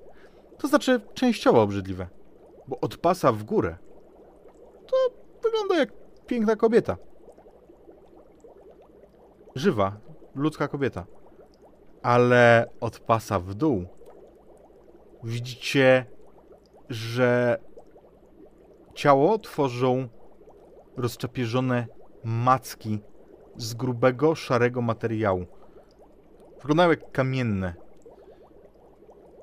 Na jednej ze ścian widzicie kij. Taką prostą lagę, która jest, y, która jest oparta o wspomnianą ścianę. Natomiast to, co, na co na pewno zwrócicie uwagę, to fakt, że na dnie tego akwarium jest więcej tego srebrzystego piasku, który Błażeju zabrałeś z, z tej formy na nóż. Matko Bosko, co to za diabeł? Ja się żegnam. Pięścią tym razem, tam cię ten piasek ściska. Ja wybiegam z tego pomieszczenia. Wybiegasz na korytarz, czy, czy na, do drzwi naprzeciwko? Yy, na korytarz, nie, sama to bym się nie odważyła. Jasne. Widzicie, że to jest żywa istota. Ona się rusza, kiedy was widzi, jej oczy zwężają się, a głowa przechyla z zaciekawieniem. Ja podchodzę z ciekawości. Podchodzę i dotykam tego akwarium ręką. Kiedy dotykasz go Halo? dłonią, to ona również przykłada swoją ludzką dłoń do, po drugiej stronie. Czy. Co? Halo? Wygląda na zaciekawioną. To utopiec jakiś. To to... Dzieci wciąga po, pod lód może. Matka mi opowiadała, że takie rzeczy żyły kiedyś tutaj. Oblizuje Pierwszy raz. zmysłowe wargi, Bogdanie patrząc ci prosto w oczy. Pierwszy raz widzę coś tak pięknego.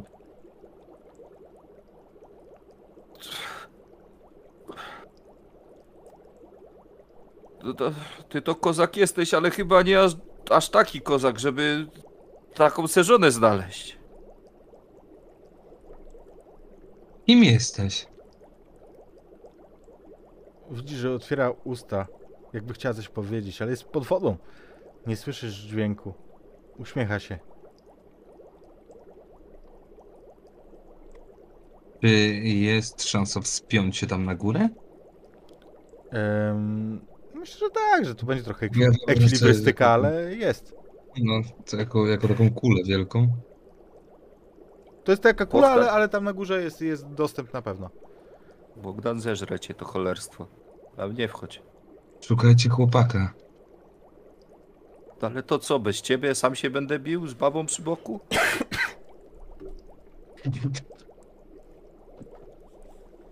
Ja próbuję wejść na górę. Wchodzisz. Co chcesz zrobić? Chcę zanurzyć dłoń, tak jakby jej podać rękę. Ona dotyka twojej dłoni swoją. Uchwytuje ją. To, no, czujesz dotyku, wiesz, no zimna, mokra, ale, ale ludzka. No i próbuję ją podciągnąć do góry. Mhm. I w tym momencie, jak starasz się podciągnąć do góry, to widzisz, jak jej twarz się zmienia, uchwyt e, em, staje się silniejszy i, i widzisz, widzisz, jak e, na twarzy po prostu da się, da się mm, widzieć furię. I te kamienne macki oplatają się również wokół twojej, dło, twojej dłoni, nadgarstka. Mój drogi, test siły, ale zobacz, jestem do niczego, mam tylko jeden sukces. Ale on ma jedną kostkę do rzucania, to daj spokój. E, Nie mam żadnej. Masz trzy stany już? Nie no. Zobacz, oprzesz się. I ta istota wściekle zaczyna po prostu się miotać, kiedy twoja ręka się wyswobadza z tego uścisku. Ona zaczyna się miotać, uderza w e, ściany tego, tego akwarium. Bum! Dum! Ja tak Pojawiają się... się- próbuję sturlać w dół. Mhm. Tak jak tam byłem na tej kracie, tak się sturlam w dół i spadam. Bum. Jasne. E, Na, na tej, na, na ściankach tego akwarium pojawiają się pęknięcia coraz e, większe. Bum! Co robicie? Uciekajmy Wychodź, stąd. wychodź! Tam sika już, Uciekajmy stąd. sika już woda. Staram się zakluczyć ten, ten pokój. Jasne. E, więc e, staracie się umknąć stamtąd. E, napotykacie na przerażoną, zdruzgotaną, już po prostu złamaną psychicznie Gryzeldę. E, co robicie? Błażej zamyka ten, klu, ten, e, te drzwi na klucz. Co to było? Oby nie zeżarła tego dzie... No jak to co, to dziwożona była, albo Widzisz- inna... Widzisz, jak e, sińce ci występują na tym nadgarstku, do którego ona się złapała. Ała. Coś mnie, coś, coś... Bardzo dziwnie się czułem. Nie wiem, jakiś urok na mnie rzuciła? Tfu. Co Nie, robicie? Bogdan, ty, gł- ty głupi po prostu byłeś, Słyszycie wiesz? dźwięk tłuczonego szkła z wnętrza i widzicie, że słyszycie też chlust wody i spod y, tego, e, spod tych drzwi zaczyna ciec woda. O, dobra, to teraz się udusi. Eee, te drugie drzwi byśmy sprawdzili może, co? Ostatnie, jakie nam zostały. Potężna siła uderza w te drzwi od wewnątrz. O szlak, ona się nie udusi. Udusi się, udusi się. Dobra, to sprawdźmy te drzwi. Kurwa. Z, zoologowie morscy. No ona powinna się udusić, no jak, jak wyszła z wody, jak żyła w wodzie, to powinna się teraz udusić.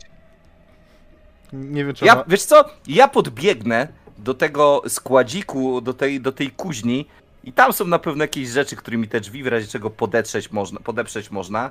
Eee, tak, o, żeby tam ją zablokować, nie wiem, no to Dobrze. kowadłem ją zastawię, czy chuj, Dobrze, ty- dobrze, ty- dobrze. E, to ułatwi, no kowadła to nie przeniesiesz, ale e, jakieś pręty metalowe na pewno, na pewno tak.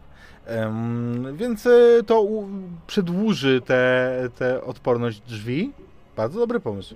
A Bogdanie, ty otwierasz, otwierasz ten ostatni pokój, prawda? Tak jest. I uderza ci się smród mięsa i krwi. O, I widzisz... Gryzelda wymiotuje. Niewątpliwie to jest, to ma podstawy, bo widzisz, że na stole w kącie są ludzkie fragmenty ciała. One są oskurowane. W wiadrze jest jakiegoś rodzaju tkanka, taka sama breja, jak widzieliście w tamtym pokoju wcześniej, w tym laboratorium.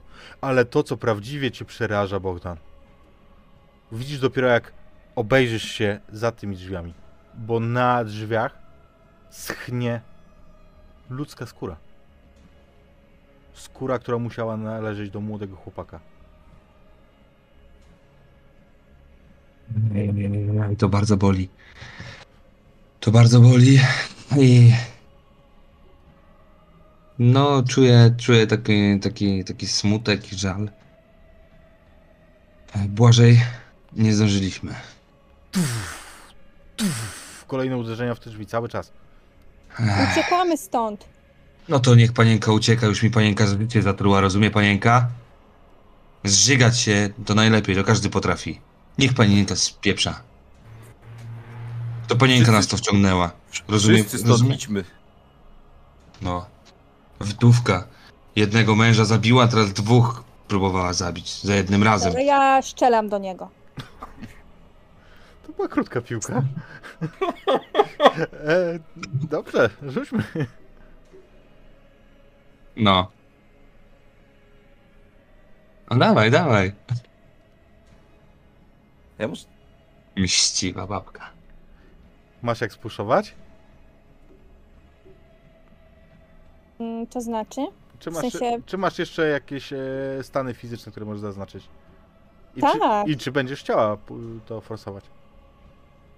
Jak najbardziej. No więc przerzut i zaznacz sobie kolejny stan. Sekundka, bo mi rola wywaliło. No to znaczy, że nie strzelasz. Sorry, siła wyższa. Nie, ślepakiem naładowałem ten pistolet.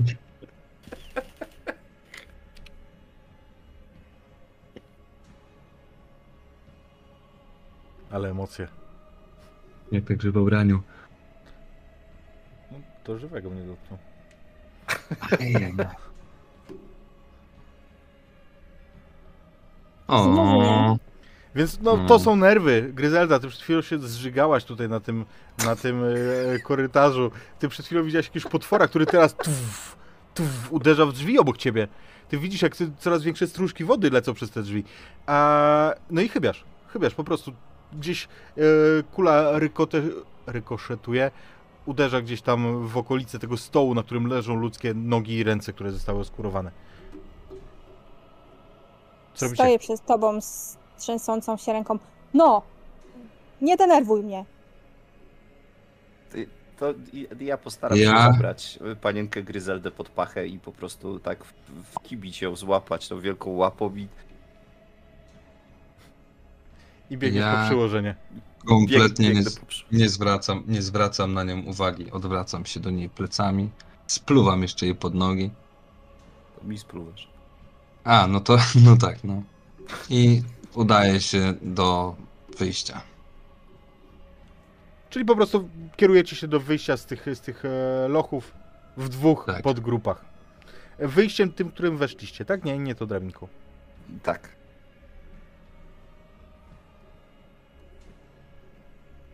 Więc wyłaniacie się.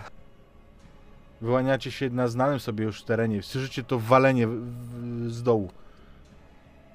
Ewidentnie te deski przegrywają walkę. Zakładam, że zamykacie ze sobą te żelazne drzwi też, żeby opóźnić ewentualny pościsk. Y, pościg. Mm, kiedy wychodzicie na tym piętrze, którym weszliście, co robicie dalej? To panience już wystarczy tego zwiedzania? Odwiedzić tu sąsiadów? Do biblioteki, podpalić to i uciekamy. Tak jest. Wergiliusz, Okej. jesteś tu? Nie widzę. Krzyczę. Myślę, że, e, że on e, wyłoni się, jak krzyczysz, z tej kuchni dla służby. Tej, tej w której znalazłeś tą miskę, e, która się pojawiła nagle. Dobra. Wergil, chodź, spadamy stąd. Ale gdzie ja mam zwadać? Eee, tutaj zaraz będzie nieprzyjemnie. Zaraz spalimy tą budę. Chodź. Jesteś nam potrzebny. Zróbmy to, co chciałeś zrobić od dawna. Spakuj tylko te srebrne talerze. Drzwi są już otwarte. Myślę, że Wergiliusz ma taką torbę typu ubijstw, nie? Bierz i spierdalaj. I on już tam dużo, e, dużo naszykował e, srebra i bogactw, które właśnie w razie potrzeby szybkiej ewakuacji mm, ma po prostu naszykowane, no, takie, takie bogactwa. Mistrzu gry, ja to biegnę tutaj do tych drzwi, co tu są. E, tych takich e, dużych, od jadalni na czerwono. Aha.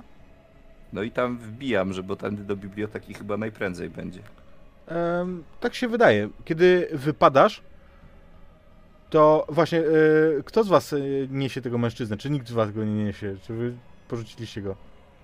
No ja chyba w drugiej ręce. Tak. No dobrze. Em, To było bardzo dobre pytanie. em, więc kiedy wychodzisz, to jest duży hol.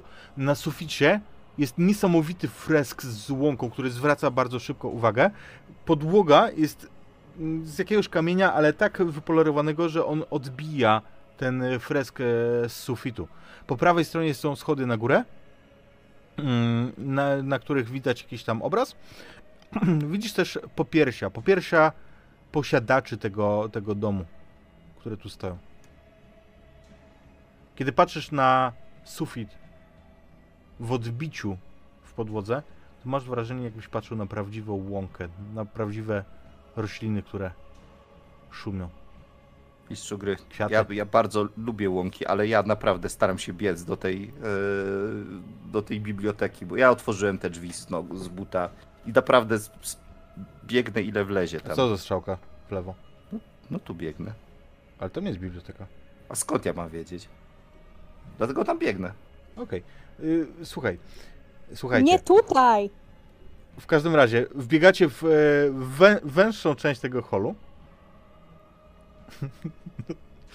Co za strzałka? No to biegnę, ale tam nie ma biblioteki, no trudno. E, Wpadacie, na końcu jest, są drzwi dwuskrzydłowe, takie jak wychodzi się na zewnątrz. To, to nie są e, drzwi wewnętrzne niewątpliwie. Na prawo i na lewo są jakieś wewnętrzne drzwi właśnie do izb, a na ścianie wiszą dwie sztuki broni. One są pięknie oprawione em, i em, są skrzyżowane tak ozdobnie. I to są nadziak, taki husarski, i arkebus. Większy samopał. One są skrzyżowane, na, Nie dole, tutaj! na dole są jakieś e, tabliczki. Słyszysz, Ja się jak ona roz- się tam szamocze i, i krzyczy nie tutaj! Rozglądam tutaj, się w lewo, głupcze. w prawo. To puszczam cię, to prowadź pani. No to ja zmieniam kierunek i biegnę w drugą stronę do tej jadalni i z jadalni do e, biblioteki. Mhm, to, to wiesz, no, to prosta droga. Zresztą bywałaś tu kiedyś, masz najwięcej doświadczenia.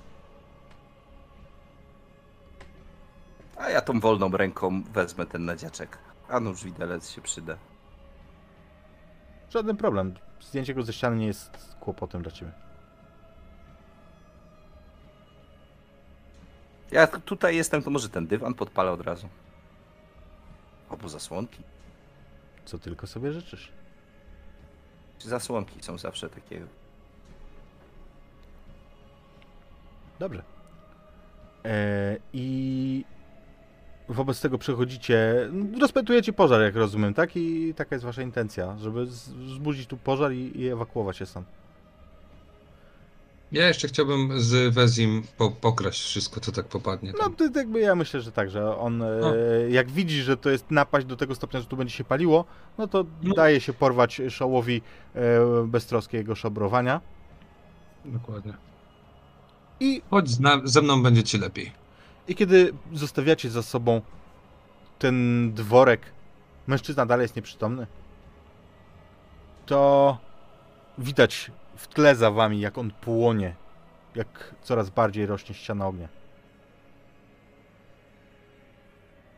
Jakieś wybuchy? Nie no, nie, Coś?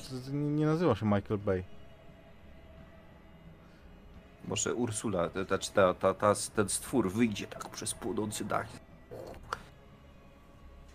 Nie wiem, no boję się trochę. Tam było dużo więcej, ale, ale faktycznie dwór staje w płomieniach. Powiedzcie mi, jak, jakie są wasze dalej działania? Czy wy jeździcie wspólnie, czy się rozdzielacie? Bogdanie, czy ty się dopominasz o swoją zapłatę? Gryzeldo, czy planujesz tę zapłatę? Ja tak naprawdę e, staram się w ogóle nie zwracać uwagi na Gryzeldę. Tak jakby kompletnie już mnie nie interesuje, jak według mnie ona już upadła najniżej jak się dało. E, tą całą sytuacją, tym, tym strzałem. E, więc tak naprawdę ja i Wezi i może Błażej, z Błażejem na pewno będę utrzymywał kontakt, ale ja i Wezi idziemy w swoją stronę. Więc zobaczymy e, Bogdana i, i, i Wergiliusza. A w ogóle to Przemko jestem. Witaj, Przemko. Ja jestem Bogdan i razem będziemy hulać ile wlezie. Łowisz rybę? No i to odchodzicie w stronę, e, w stronę wschodzącego słońca. Natomiast Błażej i Gryzelda, właśnie, jestem ciekawy. Gryzelda, czy ty coś zrobisz z tą recepturą? Eee, Ja myślę, że Gryzelda widziała za dużo, dowiedziała się za dużo, że tego nie zniesie i że ona sobie po prostu strzela w głowę. Nawet w momencie, kiedy ten mężczyzna... Ale to tam na miejscu, czy, czy później? Tak, O właśnie, Tak. mężczyzna, to się co z mężczyzną, nie No tutaj. dokładnie, ja też myślałem, że on już po prostu istnieje. chciałem, chciałem ci tylko powiedzieć, że ten mężczyzna, kiedy się budzi, zaskoczony się rozgląda, po czym obdarza cię czarującym uśmiechem. I w tym momencie puf.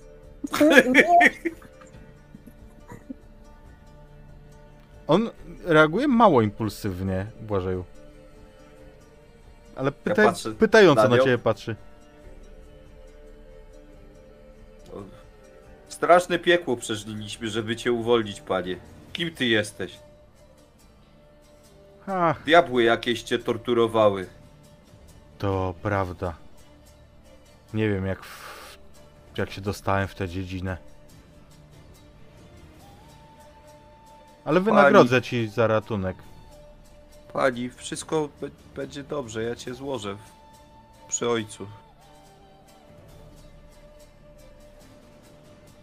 Mam nadzieję, że byłeś tego warty i twoje życie było coś bardziej warte niż to, co tu się wydarzyło. Szukasz pracy? To mało mnie, co tu już trzyma. Dam ci zarobić. Będzie dużo roboty przy odbudowie. Jakiej odbudowie, panie? Nazywam się Janusz Kiszka. Ty wiesz, że Janusz Kiszka powinien mieć około 50-60 lat. Ten mężczyzna ma 20 kilka lat. Panie, ale jak to możliwe? Przecież ty za młody jesteś. Syna miał jakiegoś. Nie miał. Wiesz, że nie miał. No. Kupa roboty. Kopnij się, młody człowieku. I pobudź karłów. Nie skończymy przed świtem. Uśmiecha się zupełnie spokojnie patrząc na ten płonący dwór. Panie, ale co z tą bestią, która jest w środku? Co to za okropieństwa były? A, nie przejmuj się. Nie twoja rzecz.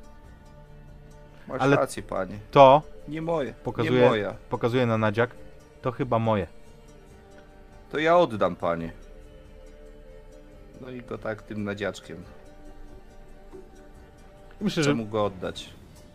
Myślę, że w momencie sceny tego oddawania mm, tutaj utniemy po prostu, jak zobaczymy ten cios. Skończyło się jak u Tarantino trochę. A ja wam dziękuję za dzisiejszą opowieść. Dziękuję też. Ja również dziękuję. E, pewnie macie dużo pytań. Wluj. Wielu, wielu tajemnic domu nie odkryliście, więc, więc e, na pewno tak jest. Może i lepiej. Może i lepiej. Chętnie odpowiem na, na każde pytanie. Mo- Mogę, mogę wam powiedzieć, co, co tu się działo, ostrzegając przy tym słuchaczy, że tutaj zaczyna się sekcja spoilerowa jeszcze bardziej. Strzelaj, co tu się w ogóle działo? Kim był ten Hmm. człowiek? Bogdan, znaczy yy, Janusz Kiszka, tutaj akurat ym, autor scenariusza zostawia to otwarte. On nie musiał być to zamieszany, ale uznałem, że to fajnie, żeby to on był na tym katafalku, bo to jest yy, w scenariuszu otwarte, kto leży na katafalku. Natomiast to, co jest clue tego, co tam się działo, to dwie rzeczy. Bo tworzenie kremu nie było jedynym przedsięwzięciem Krystyny. Ona go robiła naturalnie. Faktycznie, że z ludzkich elementów, natomiast on, on nie był magiczny. On był po prostu. Ona, ona obok tego, że była przedziwną osobą, zaraz wrócę do tego, kim ona była i co się stało. To była genialną chemiczką i po prostu stworzyła ten krem i go produkowała. Produkowała go na bazie tych ludzkich e, części, które pozyskiwała mm, z ofiar, które były w tej rzeźni, którą znaleźliście em, szlachtowane. To byli przeważnie porwani wieśniacy. Natomiast ona robiła jeszcze jedną rzecz. Ona wymyśliła sobie, że szlachecka krew jest lepsza niż jakakolwiek inna i z krwi pozyskanej od szlachty ona wyekstrahuje żelazo, z którego wykuje cudowny sztylet. Żelazo ekstrahowała w bardzo prosty sposób, choć nieoczywisty, mianowicie jako użytkowniczka zaawansowanej magii, o czym się nie mogliście przekonać, przywołała z innego, znaczy przywołała, sprowadziła sobie z innego wymiaru tę przedziwną bestię, którą znaleźliście, Galateę, tego, tą, tą taką syrenę kamienną, nie? I ona tam robiła następującą rzecz te otwory w ścianie w, w sali z sarkofagiem otwierały przejście do niej oczywiście. I gdyby w sarkofagu ktoś był zamknięty, to ona, zależnie od tego, czy byłby to szlachcic, czy nie, albo nadpiłaby nieco krwi, odpowiednią ilość, to byłby wspomniany zabieg z pijawkami, albo zabiłaby tego człowieka, gdyby był nieszlachetny, nisko urodzony. Natomiast to, to żelazo na dnie jej akwarium to były jej odchody. Ona po prostu jakby żywiąc się krwią wydalała żelazo w niej zawarte. Sama zaś, i to jest, yy, to jest jej przedsięwzięcie, sama Krystyna nie do końca była tym, kim się wydawała być, bowiem faktycznie Krystyna jako Krystyna była genialną alchemiczką i ona opatentowała sama ten y, krem. Natomiast owładnięta rządzą dalszego zachowania piękności i budowania bogactwa, ona wzięła udział w źle przeprowadzonym ym, rytuale dziadów. I w trakcie tego rytuału jej jaźń została opętana przez kogoś, kto kazał nazywać się Afrodytą. A był nikim innym jak alter ego niejakiej Elżbiety Batory. No to, to dosyć grubo poleciał Krzysiek z tym, ale jakby, ale, ale, ale tak jest to rozwinięte i y, no zwyczajnie to jest, to jest kobieta, która, która chciała mnożyć to bogactwo, a równocześnie, równocześnie faktycznie um, używała sztuki czarnoksięskiej. Gdybyście weszli do części na piętrze, gdzie nie byliście w jej sypialni, z niej mogliście się dostać do jej tajemnej pracowni. To było takie specyficzne przejście, bo jakbyście weszli do sypialni, to byście odkryli, że drzwi są lustrzane. I przez te drzwi, przy odpowiednich warunkach, dało się dostać do jej pracowni, która znajdowała się w zupełnie innym wymiarze, wiecie, jakby wieża z widokiem na Karkosę, nie? I no tam byście znaleźli trochę magicznych e, fantów, które by wam powiedziały więcej na jej temat.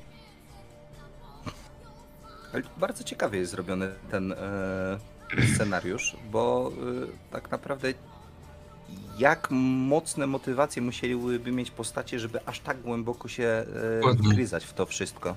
Bo Dokładnie. czysto teoretycznie widzimy schody z mięsa i mówimy to musi być naprawdę jakoś, jest to ładnie w scenariuszu jakoś opisane, te wszystkie rzeczy, oprócz e, Gryzeldy, która zębami i pazurami stara się odzyskać piękno i młodość. Em, co masz na myśli? Czy co jest opisane? Motywacje No, czy postaci? jest Motywacje motywacja- postaci? tak. postaci. W ogóle nie są opisane.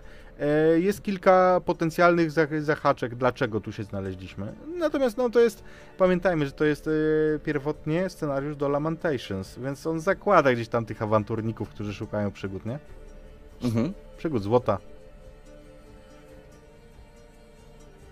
No, natomiast nie, to, to jest otwarte. No wow, ogólnie to wow, bo jest dosyć odważny, jeżeli o to chodzi, bo faktycznie już w pewnych momentach mogliśmy powiedzieć, dobra, basta, nie, spadamy stąd. W każdej chwili. I w ka- dokładnie, w każdej chwili, nie? Czy tam nawet jak ta, ta butelka z winem się rozlała, to ktoś mógł powiedzieć, a spadam stąd. I takie, Trochę nawet Takie- specjalnie y, odmówiłem posłuszeństwa w pewnym momencie swojej pani, No- żeby no troszeczkę dłu- dłużej pociągnąć, bo ja też chciałem właśnie to teoretycznie. ciągnąć, nie? Bo czysto teoretycznie, jak Ewa powiedziała, ja tu wstaję, to mogliśmy powiedzieć, dobra, my też i spadamy, nie? Mogliście. I już koniec tak naprawdę. A ja też chciałem to jakoś pociągnąć i tak fajnie, że znaleźliśmy tą, tą Nie. pamiętam jak ona miała, Laura, E, że tam dobra, jest tak. dziecko. To no to jeszcze ten jakiś tam pociąg do tego, żeby cokolwiek znaleźć, no to, no to, to było akurat fajne. Nie? No wiecie, pomogło. jakby to jest decyzja również graczy, czy ciągną y, przygodę. W te, te, te scenariusze, one mają to w sobie, wiesz, że y, w tego typu graniu em, jest coś takiego, że faktycznie gra, gracze, postacie graczy muszą szukać przygody, nie? Bo w każdej chwili mogą się z niej wycofać i stwierdzić, hej, no ja nie chcę tam być. No okej, to nie. Widzimy się za tydzień. No bo no, nie oszukując się, no, są rodzaje graczy, którzy wchodzą, nie? I czyszczą wszystko, nie? Explore, explore, explore, explore i tak dalej, nie? Ale są też tacy, którzy no, chcą jakoś tam przejść tą fabułę i zrobić, zobaczyć co i jak ten pociąg, ta tajemnica ich ciągnie dalej do przodu, do przodu, do przodu, do przodu, żeby jak najszybciej dowiedzieć się co tam stoi, nie?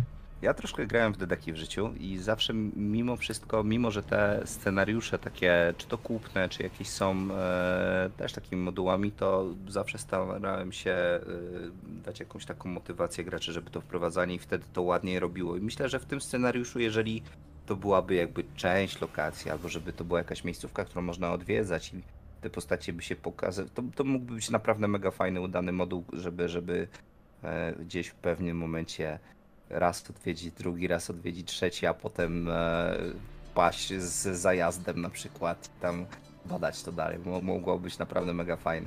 Bardzo, bardzo ciekawe. Jakby przede wszystkim musimy pamiętać, że z tego co ja wiem, to jest pierwszy taki moduł w Polsce. To jest pi- pierwszy scenariusz do, do Lamentacji, wydany, wydany w naszym kraju oficjalnie, więc super. Trzymamy Nie, kciuki. bardzo, bardzo fajny, no. Trzymam kciuki na, za dalszy rozwój i Już bardzo Może- dawno nie grałem takiego scenariusza, że się chodzi po pokoikach, bardzo mi się podobało. Ja też, jak old, oldschoolowo, nie? St- Staromody, f- to, nie jest coś, w co ja bym chciał grać dwa razy w tygodniu, ale, ale bardzo fajna odmiana.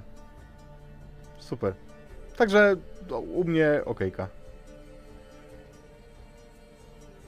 A tymczasem, moi drodzy, kończymy dzisiejszą sesję i przypominam wam, że już y, jutro ruszamy pod Rawę, a pojutrze widzimy się z tymi z was, którzy jadą na Imagikonie. A jeżeli nie jedziecie na Imagikon, to y, przypominam też, że są urodziny grane em, w głowie pełnej przygód. Powiecie coś więcej o tych urodzinach? Jaki jest plan?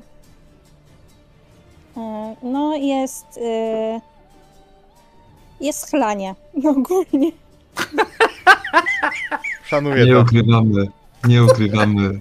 To jest chlanie w RPGowym gronie w Gdyni, więc chętnych zapraszamy, nie? Moi drodzy, Zapraszamy chętnych. czy pod Rawą Mazowiecką, czy w Gdyni. Zachęcam, to jest weekend po prostu na Tak. takie czynności. Na dobicie zapraszamy też na Toporiadę w imieniu wszystkich toporów tu obecnych.